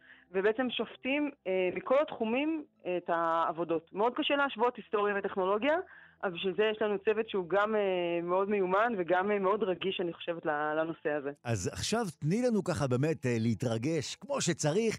אה, אלו, אה, ככה תני לנו כמה דוגמאות מהפרויקטים ש, שיהיו בתחרות. אז הדברים המעניינים, אה, אני חושבת שכולם, כל ה-34 עבודות מאוד מעניינות, כל אחד בתחומה. אני חושבת שקשה לפעמים להנגיש, אה, וזה החלק שלהם, זה התפקיד שלהם. Mm-hmm. כי עבודות למשל, אה, עבודות טכנולוגיות שמדברות על, יש לנו קבוצה שעושה, מנסה לפתור נושא של בטיחות בבנייה. או okay. קבוצה אוקיי. שמנסה, שיש להם איזו ריתמה שבעצם מתחברת לעובד וגם מתקשרת עם מנהל העבודה, והם בעצם רוצים למנוע או לצמצם תאונות עבודה. וקבוצה אה, עם משהו, רעיון דומה, אבל סביב נושא של אה, בנייה מחנאית בצופים. חבר'ה שמגיעים גם מהצופים, והם אמרו, אנחנו רוצים לוודא שהמתקנים שבנינו והחניכים מטפסים עליהם, גם לא יקרסו אחרי יומיים של מחנה. עדיין בונים בסנדות. עדיין בונים לגמרי, הם גם יביאו כאן דגם קטן. עדיין עושים ש... קשר סבתא, כן, זה עדיין עובד, כן, בדיוק. כן, לא, קשר אה, שטוח, אני חושבת. כן. אבל המדהים הוא שגם יש, וזה פרויקטים שגם אתה וגם אני מבינים, והיפה הוא גם באמת העבודות הנוספות, לנו עבודה על פאודליזם. בחורה שחקרה או. נושא שבכלל מלפני אה, אה, מאות שנים. נכון. ו, ומציעה איזושהי חדשנות לצורה, מציעה את הצד שלה, את הצד החדשני, במחקר שלה לנושא הזה. עבודות בנושא של... אה, היה משהו שקשור לשחמט, יש משהו. נכון, נכון. הוא, אה, הוא בעצם, זו עבודה בתחום של מדעי החברה, הוא בעצם מנסה לראות האם כשמקרינים איזשהו סרט במהלכים ספציפיים בשחמט לשחקנים, האם הם יבחרו אה, אחר כך אה, אה, את המהלכים שלהם בדומה, לסר... בדומה למסורים שהם ראו, משהו התקפי או משהו הגנ... הגנתי. ועוד המון עבודות בתחום של מדעי החיים, בגיאולוגיה, מסתכלים על נושא של אה, טיהור מים באמצעות... אה, אני יכול לגלות לך שמשיטוט שעשיתי ככה בין הפרויקטים שלכם וקראתי והתרשמתי, יש איזשהו מחקר שהוא מאוד מעניין, אה, מדובר על בידוד חברתי, שזה גם נכון. בעקבות הקורונה, התנהגות מוח, שבעצם לקחו מכרסמים, בודדו אותם, ואז ראו שמשהו קורה שם. נכון, שיש לזה השפעה, והיא גם הסתכלה גם, זה המעניין היה, גם הסתכלה גם על זכרים ונקבות. אז נכון, אנחנו תמיד המחקרים האלו הם קודם כל ברמה של, אה, של העכברים, ובעצם זה איזשהו מחקר שהוא גם התנהגותי, אבל גם אה, הסתכלו על שינויים, ב, שינויים במוח, ורצו לראות מה קורה כשמבודדים אותם, וזה מאוד מאוד מתקשר לתקופה של השנתיים האחרונות, נכון. אה, על ההתנהגות ועל החלק החברתי, ואיך הם בעצם, אה, גם מבחינת אה, אה, ההשפעה שלהם על המוח וגם השפעת ההתנהגות, וזה באמת מזכיר את העובדה שאנחנו עכשיו שנתיים, אחרי שנתיים של תחרות מקוונת, אמנם התקיימה, והתקיימה מאוד אה, עם באמת עם עבודות מדהימות ו- וזוכים נהדרים, אז הפעם היא תהיה תחרות, מקוון. אה, כן, כן, הפעם היא לא תהיה מקוונת. על באמת. על באמת. הפעם, הפעם באמת. אני רוצה לשאול אותך אה, על עוד אה, פרויקט, כמובן שאנחנו לא עושים איפה ואיפה, לא נזכיר שמות, חלילה. כדי לא לעשות למישהו פרוטקציה, אבל עוד פרויקט מעניין שראיתי אצלכם, דבר שיכול לשפר את הבנייה של הטלסקופים, עד כדי כך. נכון, הוא בעצם מסתכל על עדשה, הוא מנסה לשפר את, ה, את העלות. ולראות אם משהו שהוא יכול להדפיס עדשות אה, בצורה כזאת שגם העלות תהיה, שעדיין יתנו תוצאות טובות, אבל בעלות, בעלות יותר נמוכה, אה, בחומר שהוא יותר זל, אה, זול ו, וקל אה, לייצור. זה עבודה בתחום של, ה, של הפיזיקה. אה, בתחרות. זה באמת, המגוון כאן הוא, הוא, הוא מאוד גדול, זו עבודה מאוד קשה מחר לשופטים שלנו לבחור ולשמוע. אגב, זה גם כמובן גם אתגר לבני נוער, כי הם צריכים. להציג מחר גם בפני שופטים שהם מתחום הפיזיקה, וכנראה יודעים את החומר הזה מאוד טוב. כלומר, לא, לא מספיק שאתה מדען מצטיין, אתה גם צריך לעשות פרזנטציה למופת. לגמרי. אה, ובואי נסכים... וגם למי שלא מהתחום שלך, אתה צריך לדעת להסביר גם כן. למי שהוא פיזיקאי וגם למי שהוא היסטוריון. זהו, עכשיו, יש פה רשימה, מניתי אותה קודם, אני אחזור ברשותך. טכנולוגיה, מדעי המחשב, פיזיקה, כימיה, מדעי הסביבה, מדעי החברה, מדעי החיים, ספרות והיסטוריה, אתם ממש פה מכסים עולם ומלואו. ואנחנו אה, נותרנו עכשיו, אה, כמובן, בציפייה, אני מבין שההכרזה תהיה ביום יום שלישי. שלישי. יום שלישי. נכון. אז אנחנו כבר מכאן מוחאים כפיים. אה, אני מצטרפת. וביום שלישי אנחנו נדע, אה, ביום רביעי נוכל כבר לספר אה, מי כמובן זכה. אז נאמר תודה רבה. תודה רבה. לך חמוטל לוטן, מנהלת תחרות מדענים ומפתחים צעירים במזון המדע בירושלים, וזו מישהי שיש לה עבודה מדהימה, אז בקיצור, כאילו, היא נהנית... רק נותר לקנא. היא נהנית מהחיים, את נהנית יותר מדי. תודה רבה, חמוטל. תודה רבה, בוקר טוב.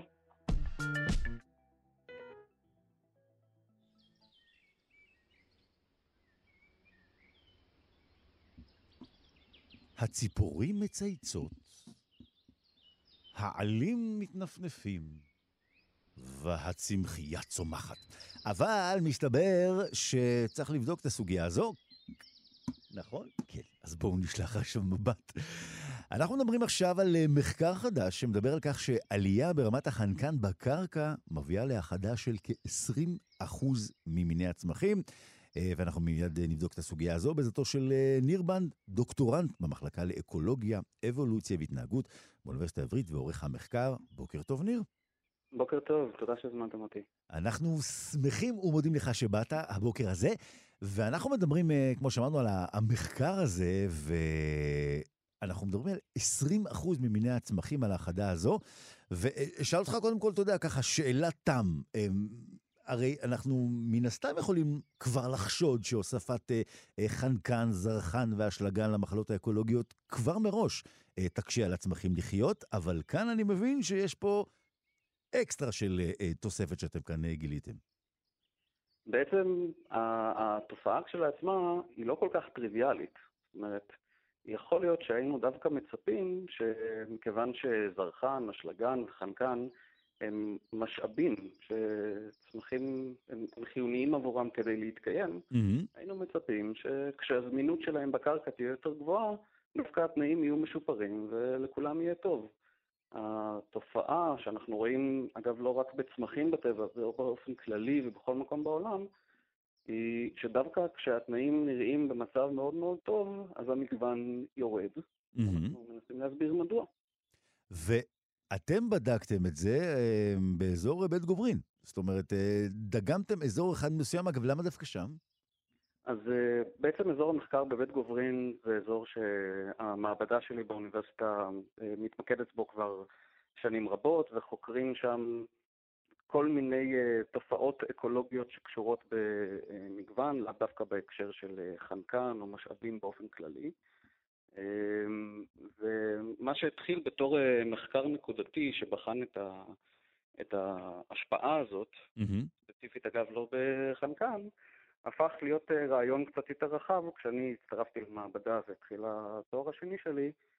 הניסויים האלה שבהם מוסיפים חנקן או סוג אחר של דשן לצמחים ורואים ירידה במגוון, זה ניסויים שעושים באלפיהם מסביב לעולם ולאורך עשרות שנים. כן. ועניין אותנו האם יש אפקט כולל הסבר כללי שיכול להסביר את התופעה בכל העולם, לא עכשיו, לא רק בבית גוברין. בבית גוברין אתם עושים את זה בשטח הקיבוץ או בגן הלאומי? או זה אותו... זה בגן הלאומי. בגן הלאומי. בתיאום שם, יש שטח סגור שהוא מיועד למחקר, ובוחנים שם את ההשפעות של אה, אה, ראיית הפרות, או של אה, הפצת זרעים של צמחים, את ההבדלים בין השפעות של קרקע עמוקה לרדודה, הטרוגניות, כל מיני. עד היום בישראל לא מספיק אה, ככה, מה שנקרא, התמקדו בחומרת הבעיה הזו, שאנחנו כרגע מציינים בשיחה הזו שלנו? אז אה, לחלק הזה קצת יותר קשה לי לענות, בראש ובראשונה בגלל שאני לא עד כדי כך בקיא במדיניות של המשרדים הממשלתיים. אתה לא רוצה להכפיש את עמיתיך הוותיקים, לא? לא, גם, אתה יודע, לא, לא, זה בסדר. בסך כן, הכל כן, כן. סיימתי תואר שני. אה, אל תזלזל, תואר שני אני מבקש, ניר. אנחנו מפרגנים ומעריכים. אז אתה אומר, אתה, אתה לא רוצה להיכנס למה שהיה בעבר, אבל, אבל אתם כן בכל זאת אה, פורצים קדימה בעניין הזה? זאת אומרת, תרשה לי לומר, עד היום לא מספיק בדקו את זה. הנה, אני אמרתי. עד היום, אפילו אם בדקו בנקודות מסוימות, יש עדיין מידע שהוא קרדינלי שחסר. בראש ובראשונה איזשהו ניטור. לצורך העניין, זיהום החנקן שאנחנו מדברים עליו הוא לא תופעה שהיא נגרמת אך ורק בגלל uh, פעולות של האדם, זה חלק ממחזור החנקן בטבע. כדי לדעת איזה אזורים יהיו רגישים יותר ואיזה רגישים פחות, אנחנו צריכים להבין מה ה baseline. כן. אה, וזה בישראל אין. עכשיו, הצמחים עצמם, אה, הם נאבקים במרכאות אחד בשני? חד משמעית. אה, הרי עצם זה שיש מגוון כל כך גדול של מינים, בבית גוברין בדוגמה, mm-hmm. אם נסתכל על מטר רבוע בקרקע, נמצא שם, סביר להניח, יותר מ-50 מינים שונים, רק של צמחים חד-שנתיים. במטר רבוע יותר מ-50 מינים שונים? נכון. וואו. לפעמים הרבה יותר, קרוב ל-80. וואו. אה, כן, ואתה יודע, זה אצלנו בחצר האחורית, וחשוב לשמור על זה. כן. אה, עכשיו, האופן שבו הם מפריעים אחד לשני, שוב, אה, איך זה קורה בעצם? מה הפגיעה שלהם זה בזה? זה החלק המעניין. אנחנו מנסים להבין באיזה אופן התחרות של הצמחים, או אולי איזשהו מנגנון אחר, פוגעת במגוון. אז רעיון אחד היה שברגע שאנחנו מעשירים את הקרקע במשאבים שהם צריכים, התחרות עוברת מתחרות של השורשים מתחת לקרקע לתחרות של המשאב החשוב שנמצא מעל הקרקע, שזה אור. אז בעצם הצמחים נהיים יותר גדולים ומתחילים להטיל צל אה, כל אחד על השכנים שלו, וזה שגדל יותר מהר ויותר לגובה, הופך להיות הדומיננטי, ומכחיד את כל האחרים כי אין להם אור יותר. זאת אומרת, הם דוחפים, זוז, זוז, תן לי קצת אור, אתה מפריע לי, לך לשם, כן. תזוז הצידה, אתה, חוסם לי את השמש. אז יש שם ממש ככה דחיפות ומרפקים אחד לשני. ממש כך, ו- ומי שמגיע לאור ומצל על השכן שלו, מנצח. והאם אותו אחד שהשכן שלו מצל עליו, אה, יכול לעשות משהו? כלומר, אה, יש פה מה, מאבק בין חזקים לחלשים, או שהטבע יכול לסייע גם לחלש בסופו של דבר להרים את הראש ואולי להחזיר לטיפוס הזה שלקח לו את השמש? אז, אה, אז יש כל מיני מנגנונים שונים ש, שיכולים אה, אה, לערבב את העסק או, או, או לשנות את המצב הקיים. אה, סתם לצורך העניין, לא, לא שהתמקדתי בזה, אבל זה mm-hmm. משהו שהוא ידוע. אה, השריפות שאנחנו חווים כן. בארץ לעיתים. אז אה, כל עוד השריפה היא לא אה, קטסטרופה בסדר גודל לאומי, אז דווקא הפרעה מסוג שריפה, או למשל הראייה של הפרות והעיזים, שמאוד נרחבת בארץ, היא פוגעת יותר במינים הדומיננטיים mm-hmm. לעומת המינים החלשים יותר. Mm-hmm. והיא דווקא מאפשרת לשמר את המגוון. זאת אומרת, היא מצמצמת את האפקט הזה של התחרות. ניר, אנחנו יודעים שבאירופה ובארצות הברית אה, יש שילוב של ניטור מאמצים להפחתת פליטות חנקן, וזה הוביל גם לירידה בזיהום. אה, אצלנו לא בדיוק קיימת תוכנית ניטור של אה, שקיעת חנקן, נכון? נכון. זאת אומרת, אפילו אם במקומות מסוימים בוחנים את מידת הזיהום הנקודתית, כדי שנוכל להבין על איזה אזורים צריך לשמור יותר ואיזה פחות, אנחנו צריכים להבין מה, מה ה baseline, אומרת, כמה חנקן שוקע באיזה מקום בארץ. ואחת הבעיות החשובות מבחינתנו לצורך העניין, בהקשר של שמירה על הטבע, היא ששמורות הטבע, במיוחד בישראל, מאוד קרובות לאזורים העירוניים, כן. לכבישים, שהם מקור עיקרי לזיהום החנקני הזה. בעצם ניסויים שהיו בישראל הראו שהמערכות האקולוגיות אצלנו רגישות מאוד לתוספות של החנקן, נכון? מאוד רגישות. ברמה קיצונית ביחס לממוצע כן. העולמי. אם ראינו שהממוצע העולמי הוא 20 אחוז, הירידה במגוון בבית גוברין יכולה להגיע גם ל-50 אחוז, 60 אחוז. וואו.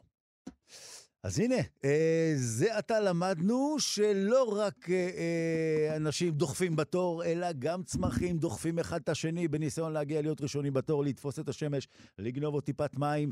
אז כנראה שאנחנו יותר קרובים לצמחים ולפרחים ממה שחשבנו, ופעם הבאה אם אתם רואים איזשהו פרח דוחף את החבר שלו, זה לא כי הוא כועס עליו, זה פשוט הוא רוצה יותר שמש. ניר בנד, דוקטורנט במחלקה לאקולוגיה, אבולוציה, התנהגות באוניברסיטה העברית ועורך המחקר, אנחנו מאוד מודים לך. תודה רבה. תודה רבה, ולא לדחוף בתור. תודה רבה, ניר.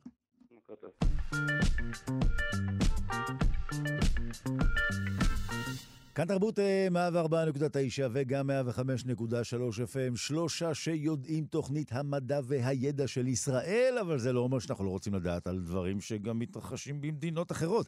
אז כעת נגיע לפינת אה, מספרת הסיפורים שלנו, שבה אנו שומעים בכל שבוע סיפור עמים קצר ומעניין. מאוסף הסיפורים של אה, שרון אה, אביב, אה, מספרת סיפורים ומנהלת מרכז גולם, המרכז הרב-תחומי למספרי סיפורים. הפעם מיד נשמע סיפור מאנגליה, אז מיד נאמר שלום, זה לא יהיה פיליפ, אבל זאת תהיה שרון עם סיפור מאנגליה. הלו, שרון. השבוע עבר עלינו חג פורים, חג התלבושות. חשבתי לעצמי על האופנה המהירה של היום, לעומת האופנה האיטית של פעם, על מחזור, וזה הזכיר לי סיפור על תופרת אחת, סיפור שמגיע מאנגליה. התופרת של המלכה גרה לה בבקתה קטנה, היה לה חדר עבודה, ובו מיני בדים מסוגים שונים, מצבעים שונים, שהיא הייתה אוספת לעצמה. יום אחד היא הביאה למלכה שמלה חדשה. המלכה מדדה אותה והייתה כל כך מרוצה. הביטה בעצמה במראה, ואז הביטה בתופרת שלה, ושמה לב שהשמלה שלה כבר קצת דהויה ובלויה, היא מאוד אהבה את התופרת שלה וגם את השמלות שהיא הכינה לה, לכן שלפה מתיקה ארנק ובו מטבעות זהב, ואמרה לה, קחי, זה בשבילך. הגיע הזמן שתתפרי לעצמך שמלה חדשה. התופרת הופתעה. היא הודתה למלכה, היא לקחה את הארנק ומיהרה אל השוק. שם חיפשה בד, לא עבה ולא דק, לא בהיר ולא כהה, לא כבד ולא קל, מין בד פשוט מדויק. וכשמצאה אותו, מיד קנתה אותו ומיהרה אל חדר העבודה. היא פרסה את הבד. הביטה בו והחלה גוזרת ותופרת וגוזרת ותופרת. היא גזרה ותפרה כל הלילה. בבוקר הייתה לה שמלה חדשה. היא מדדה אותה, והשמלה התאימה לה בדיוק.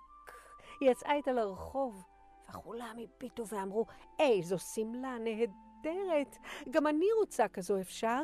והיא אמרה, מצטערת, שמלה כזו מיוחדת יש רק אחת. והשנים חלפו, גם על השמלה וגם על התופרת. השמלה אט-אט הלכה ובלטה, קצת דהתה, והנה יום אחד הביטה בה התופרת ואמרה, אולי הגיע הזמן להיפרד ממנה? אבל רגע, אולי אפשר להפוך אותה למשהו אחר. ואכן, היא ישבה וגזרה ותפרה כל הלילה. בבוקר הייתה לה שכמיה. יפהפייה, היא יצאה איתה לרחוב וכולם אמרו, איזו שכמיה? וואו, היא נהדרת, גם אני רוצה כזו, אפשר? והיא אמרה, מצטערת, שכמיה כזו נהדרת יש רק אחת. והשנים שוב חלפו גם על השכמיה וגם על התופרת, והנה יום אחד הביטה בשולי השכמיה וראתה שהיא כבר בלויה ואפילו קצת מתפוררת.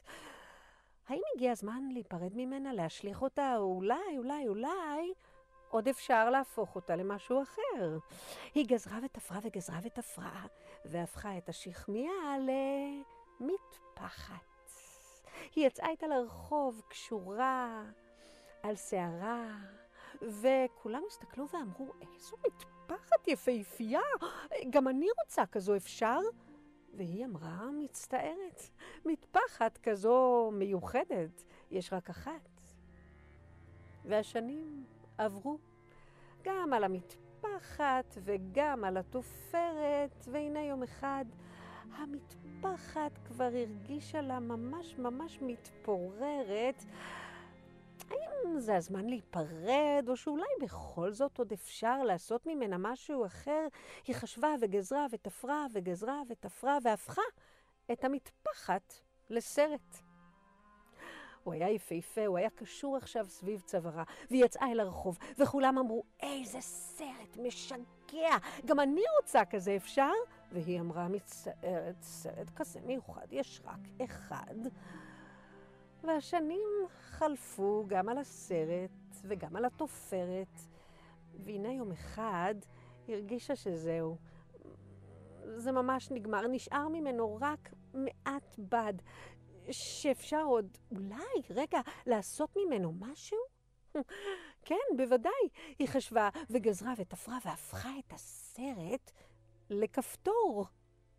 היא תפרה את הכפתור לבגד אחר, ויצאה איתו לרחוב, וכולם הסתכלו ואמרו, איזה כפתור נהדר, גם אני רוצה כזה, אפשר? והיא אמרה, מצטערת, כפתור כזה מיוחד, יש רק אחד. אבל השנים חלפו, ויום אחד, כמו כל דבר, גם הכפתור ניתק ואבד.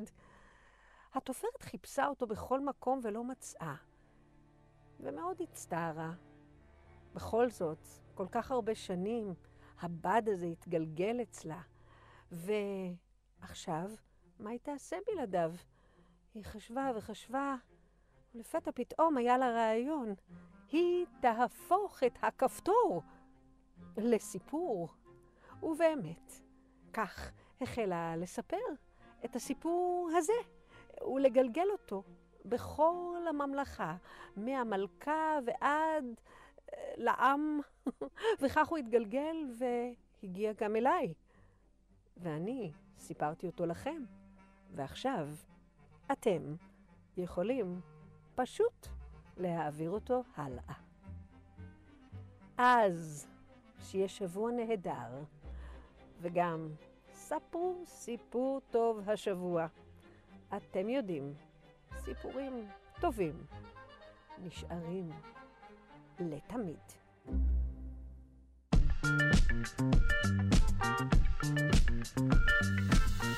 כאן תרבות אה, שלושה שיודעים, זמן עכשיו לחגיגת יום הולדת. הייתם מצפים מאדם שחוגג 337 שנים להולדתו, שהוא כבר אדם בר דעת, הוא כבר צבר נימוסים והליכות, הוא יזמין את כולנו ליום הולדתו, אבל זה לא קרה. אותנו לא הזמין, אבל את פרופסור משה זורמן הוא הזמין, ואנחנו מיד נבדוק אה, כיצד זה קרה. פרופסור משה זורמן מלחין, מנצח, מייסד הקתדרה למוסיקה, בשיתוף דוקטור אה, אסטרית אה, בלצן. בוקר טוב לך. בוקר טוב נתיב, וחג שמח. חג שמח. מדוע זכית שיוהאן סבסטיאן באך יזמין אותך ליום הולדתו ואותנו ישאיר מחוץ למסיבה? לא יודע, אבל אני יודע שכמו כל מוזיקאי, זה כמו יהודי דתי שמתפלל כל בוקר כשהוא מתעורר, אז גם המוזיקאים מתפללים כל בוקר ליוהאן סבסטיאן באך, כי הוא השאיר אחריו איזו מסורת מופלאה של מוזיקה, שכל פסנתרן וכל מוזיקאי מתחיל את היום ברעננות כזאת של לנגן משהו, כמה צילים מבאך, ואז הוא מרגיש אחרת לגמרי.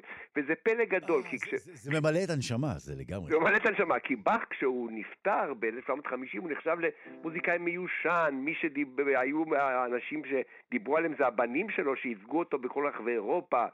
ורק מאה שנה אחר כך הוא התחיל לאט לאט להתעורר. מוזיקאי צנוע, מעולם לא עזב את גבולות גרמניה, אבל בכל זאת המוזיקה שלו מכסה את המוזיקה של אירופה כולה, והכי חשוב, השאיר לנו איזה קובץ mm-hmm. שלם של יצירות שנקראות פרלודים ופוגות, ספרים שאיכשהו, כל אחד יש לו את זה בבית. בוא פרלוד. נזכיר, בוא נזכיר, הוא הלך לעולמו ב-31 במרס, אבל זה מאפשר לנו את כל חודש מרס בעצם לחגוג, כי כמו שאתה אומר, האיש הוא, הוא חתיכת איש. כרגע. ואנחנו נתמקד כן. רק ביצירה אחת קטנה שהפכה להיות אניגמה במהלך הדורות, אוקיי. שזה הפרלוד הראשון שלו. עוד פעם, הוא השאיר קובץ של, של יצירות שנקראות פרלודים ופוגות. פרלוד זה מבוא, ופוגה זה יצירה רב-קולית. עכשיו, הפרלוד הראשון שפותח את הקובץ הזה, כל אחד מכיר.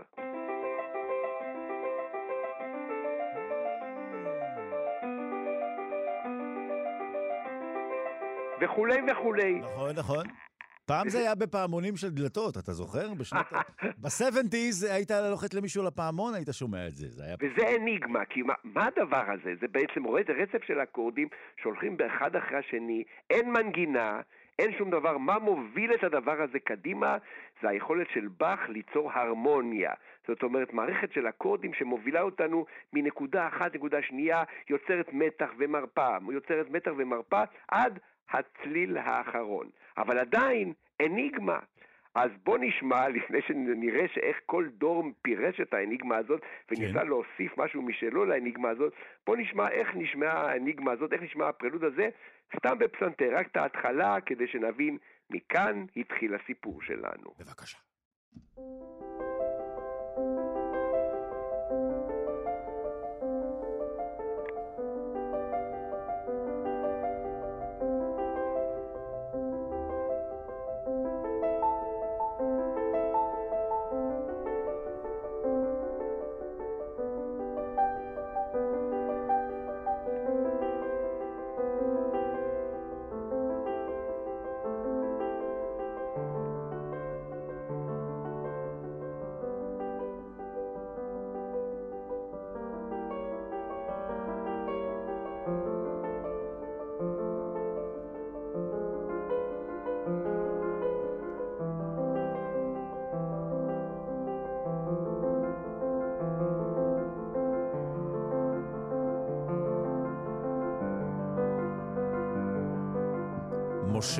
נתיב, זה ממכר, שזה... זה ממכר. שזה ממכר, אבל זה גם אניגמטי. כן. כי אתה שואל את עצמך, נו, משהו חסר, זה כאילו הליווי של משהו שצריך להצטרף. איפה המנגינה? אתה מצפה שמשהו יתפתח עוד רגע. משהו, ולא מתפתח שום דבר עד שזה מסתיים.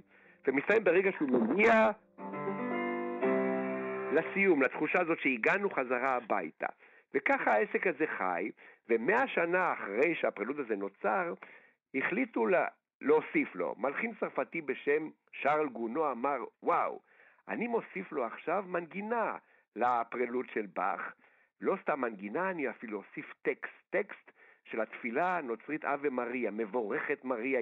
אגב, זה משהו מקובל? כלומר, הוא מופיע פתאום ואומר, אני מוסיף מנגינה וטקסט? זה... בהחלט לא מקובל, אבל כיוון שאנחנו מדברים על אניגמה, על איזושהי אה, יצירה מוזיקלית שכל הזמן היה, מישהו חשב שאולי צריך, אולי באך השמיט את המנגינה מהדבר הזה, כמובן שהוא לא השמיט שום דבר, אז איכשהו ניסו, כל, כל דור ניסה להוסיף משהו לבסיס הבאכי. אז הראשון שיצא לדרך היה באמצע המאה ה-19 גונו, בוא נשמע מה הוא עושה, באך ברקע ומעליו מנגינת אב ומריה.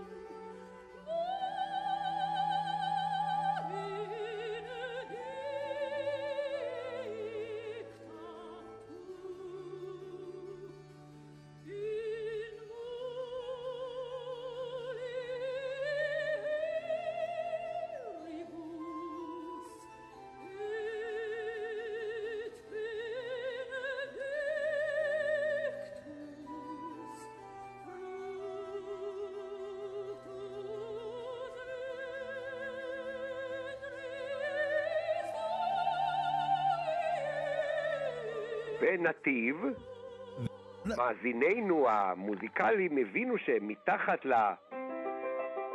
הצטרף לנו מריה. מרי. אגב, בוא, בוא נזכיר, הוא היה צרפתי, באך בכלל בא מגרמניה, זאת אומרת, זה, זה גם לא רק שהייתה פה השאלה מוסיקלית, זה גם כבר עבר את הגבול. זה יפה שאתה אומר את זה, כיוון שבאך מעולם לא עזב את הגבול והוא ישב לו כל... זהו, והמוסיקה היה... שלו, הופ, עברה לצד השני, הגיעה לגרמניה לצרפת. אבל לאט לאט הבינו בכל רחבי אירופה ובעולם כולו, שפה יש איזשהו משהו שצריך לדון איתו. אז, זה היה התחלת המסע שאומר לנו, וואו, אולי הבאך הזה הוא התחלה, אה, משהו, מפתח למשהו שאני יכול להוסיף לו. ואז אפילו אצלנו בארץ, ידידנו שלמה גרוניך, אמר, וואו, אני גם רוצה את המשחק הקטן הזה לשחק. לקח את באך, הוסיף טקסט של המשורר ההודי, רבינדרנת טגורי, אל נא... אל נא תלך מעימי דודי, בטרם אומר לך, לך לשלום, לך לשלום. בדיוק. הראה הייתי כל הלילה, עתה כבדו עיניי משנה, יראתי פן תאבד לי מדי ישן את שנתי. יואו, אתה בקיא ברבינדרנת טגורי, אני רואה. או, תקשיב, זה... מי שלא יודע רחוב אה, טגור ברמת אביב, זה על שם האיש הזה. כן, הרבה... יפה, בדיוק, אני גר שם בסביבה. אז בוא נכון. נשמע, שלמה גרוניך ברקע מנגן את באך ושר את עצמו.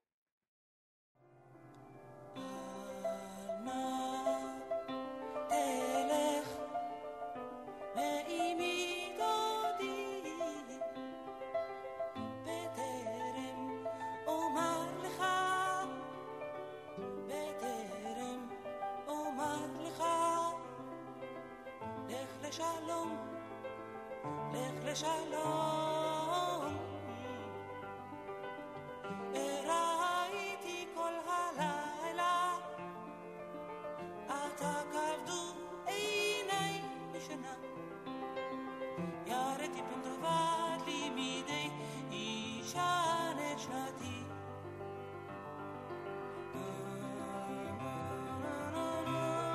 וכאן נגמר לו הטקסט.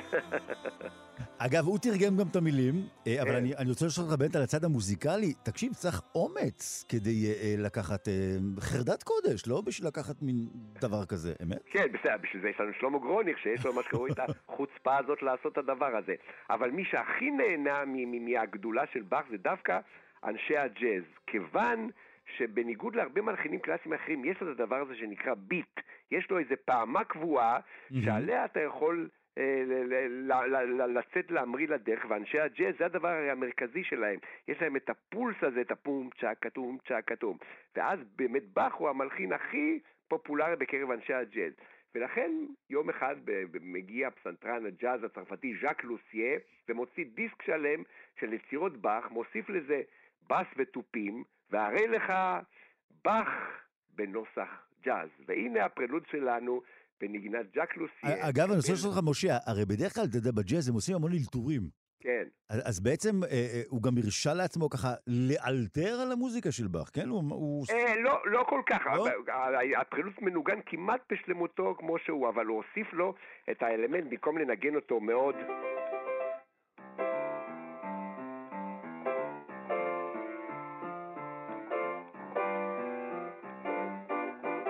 ברגע שאתה מוסיף בס ותופים, mm-hmm. אתה משאיר את אותה הרמוניה, את אותו מהלך, אבל מוסיף לו את התחושה הזאת של הג'אז, של אנשי הג'אז, ואז פתאום אתה מקבל משהו חדש, אבל מאוד בכי. בוא נשמע.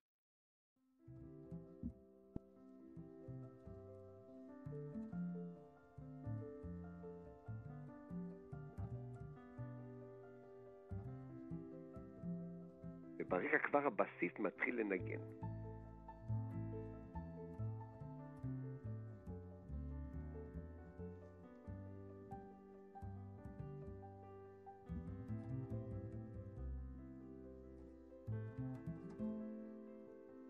איזה יופי, ברקע אנחנו שומעים ככה את, ה, את הכניסה. אגב, ז'אק לוסיה, שהזכרת אותו, הוא, הוא זכה לתהילת עולם, נכון? אז אה, כאשר הוא הוציא את האלבום הזה.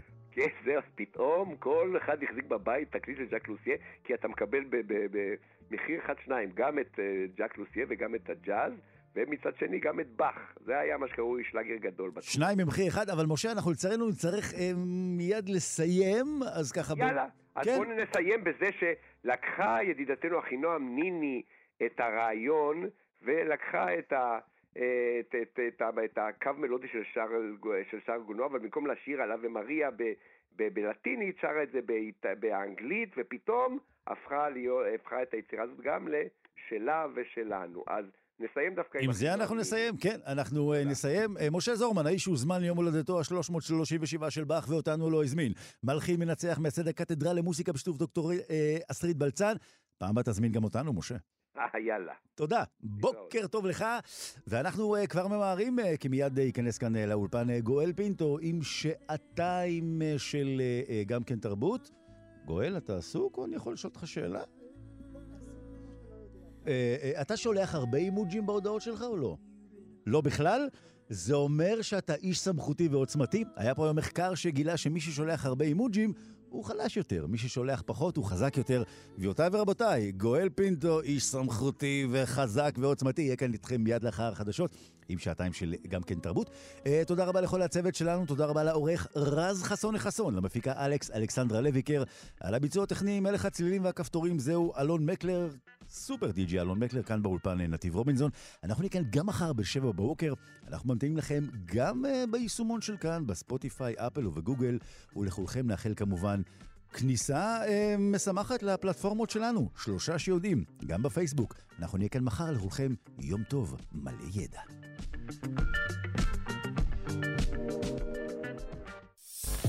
אתם מאזינים לכאן הסכתים. הפודקאסטים של תאגיד השידור הישראלי.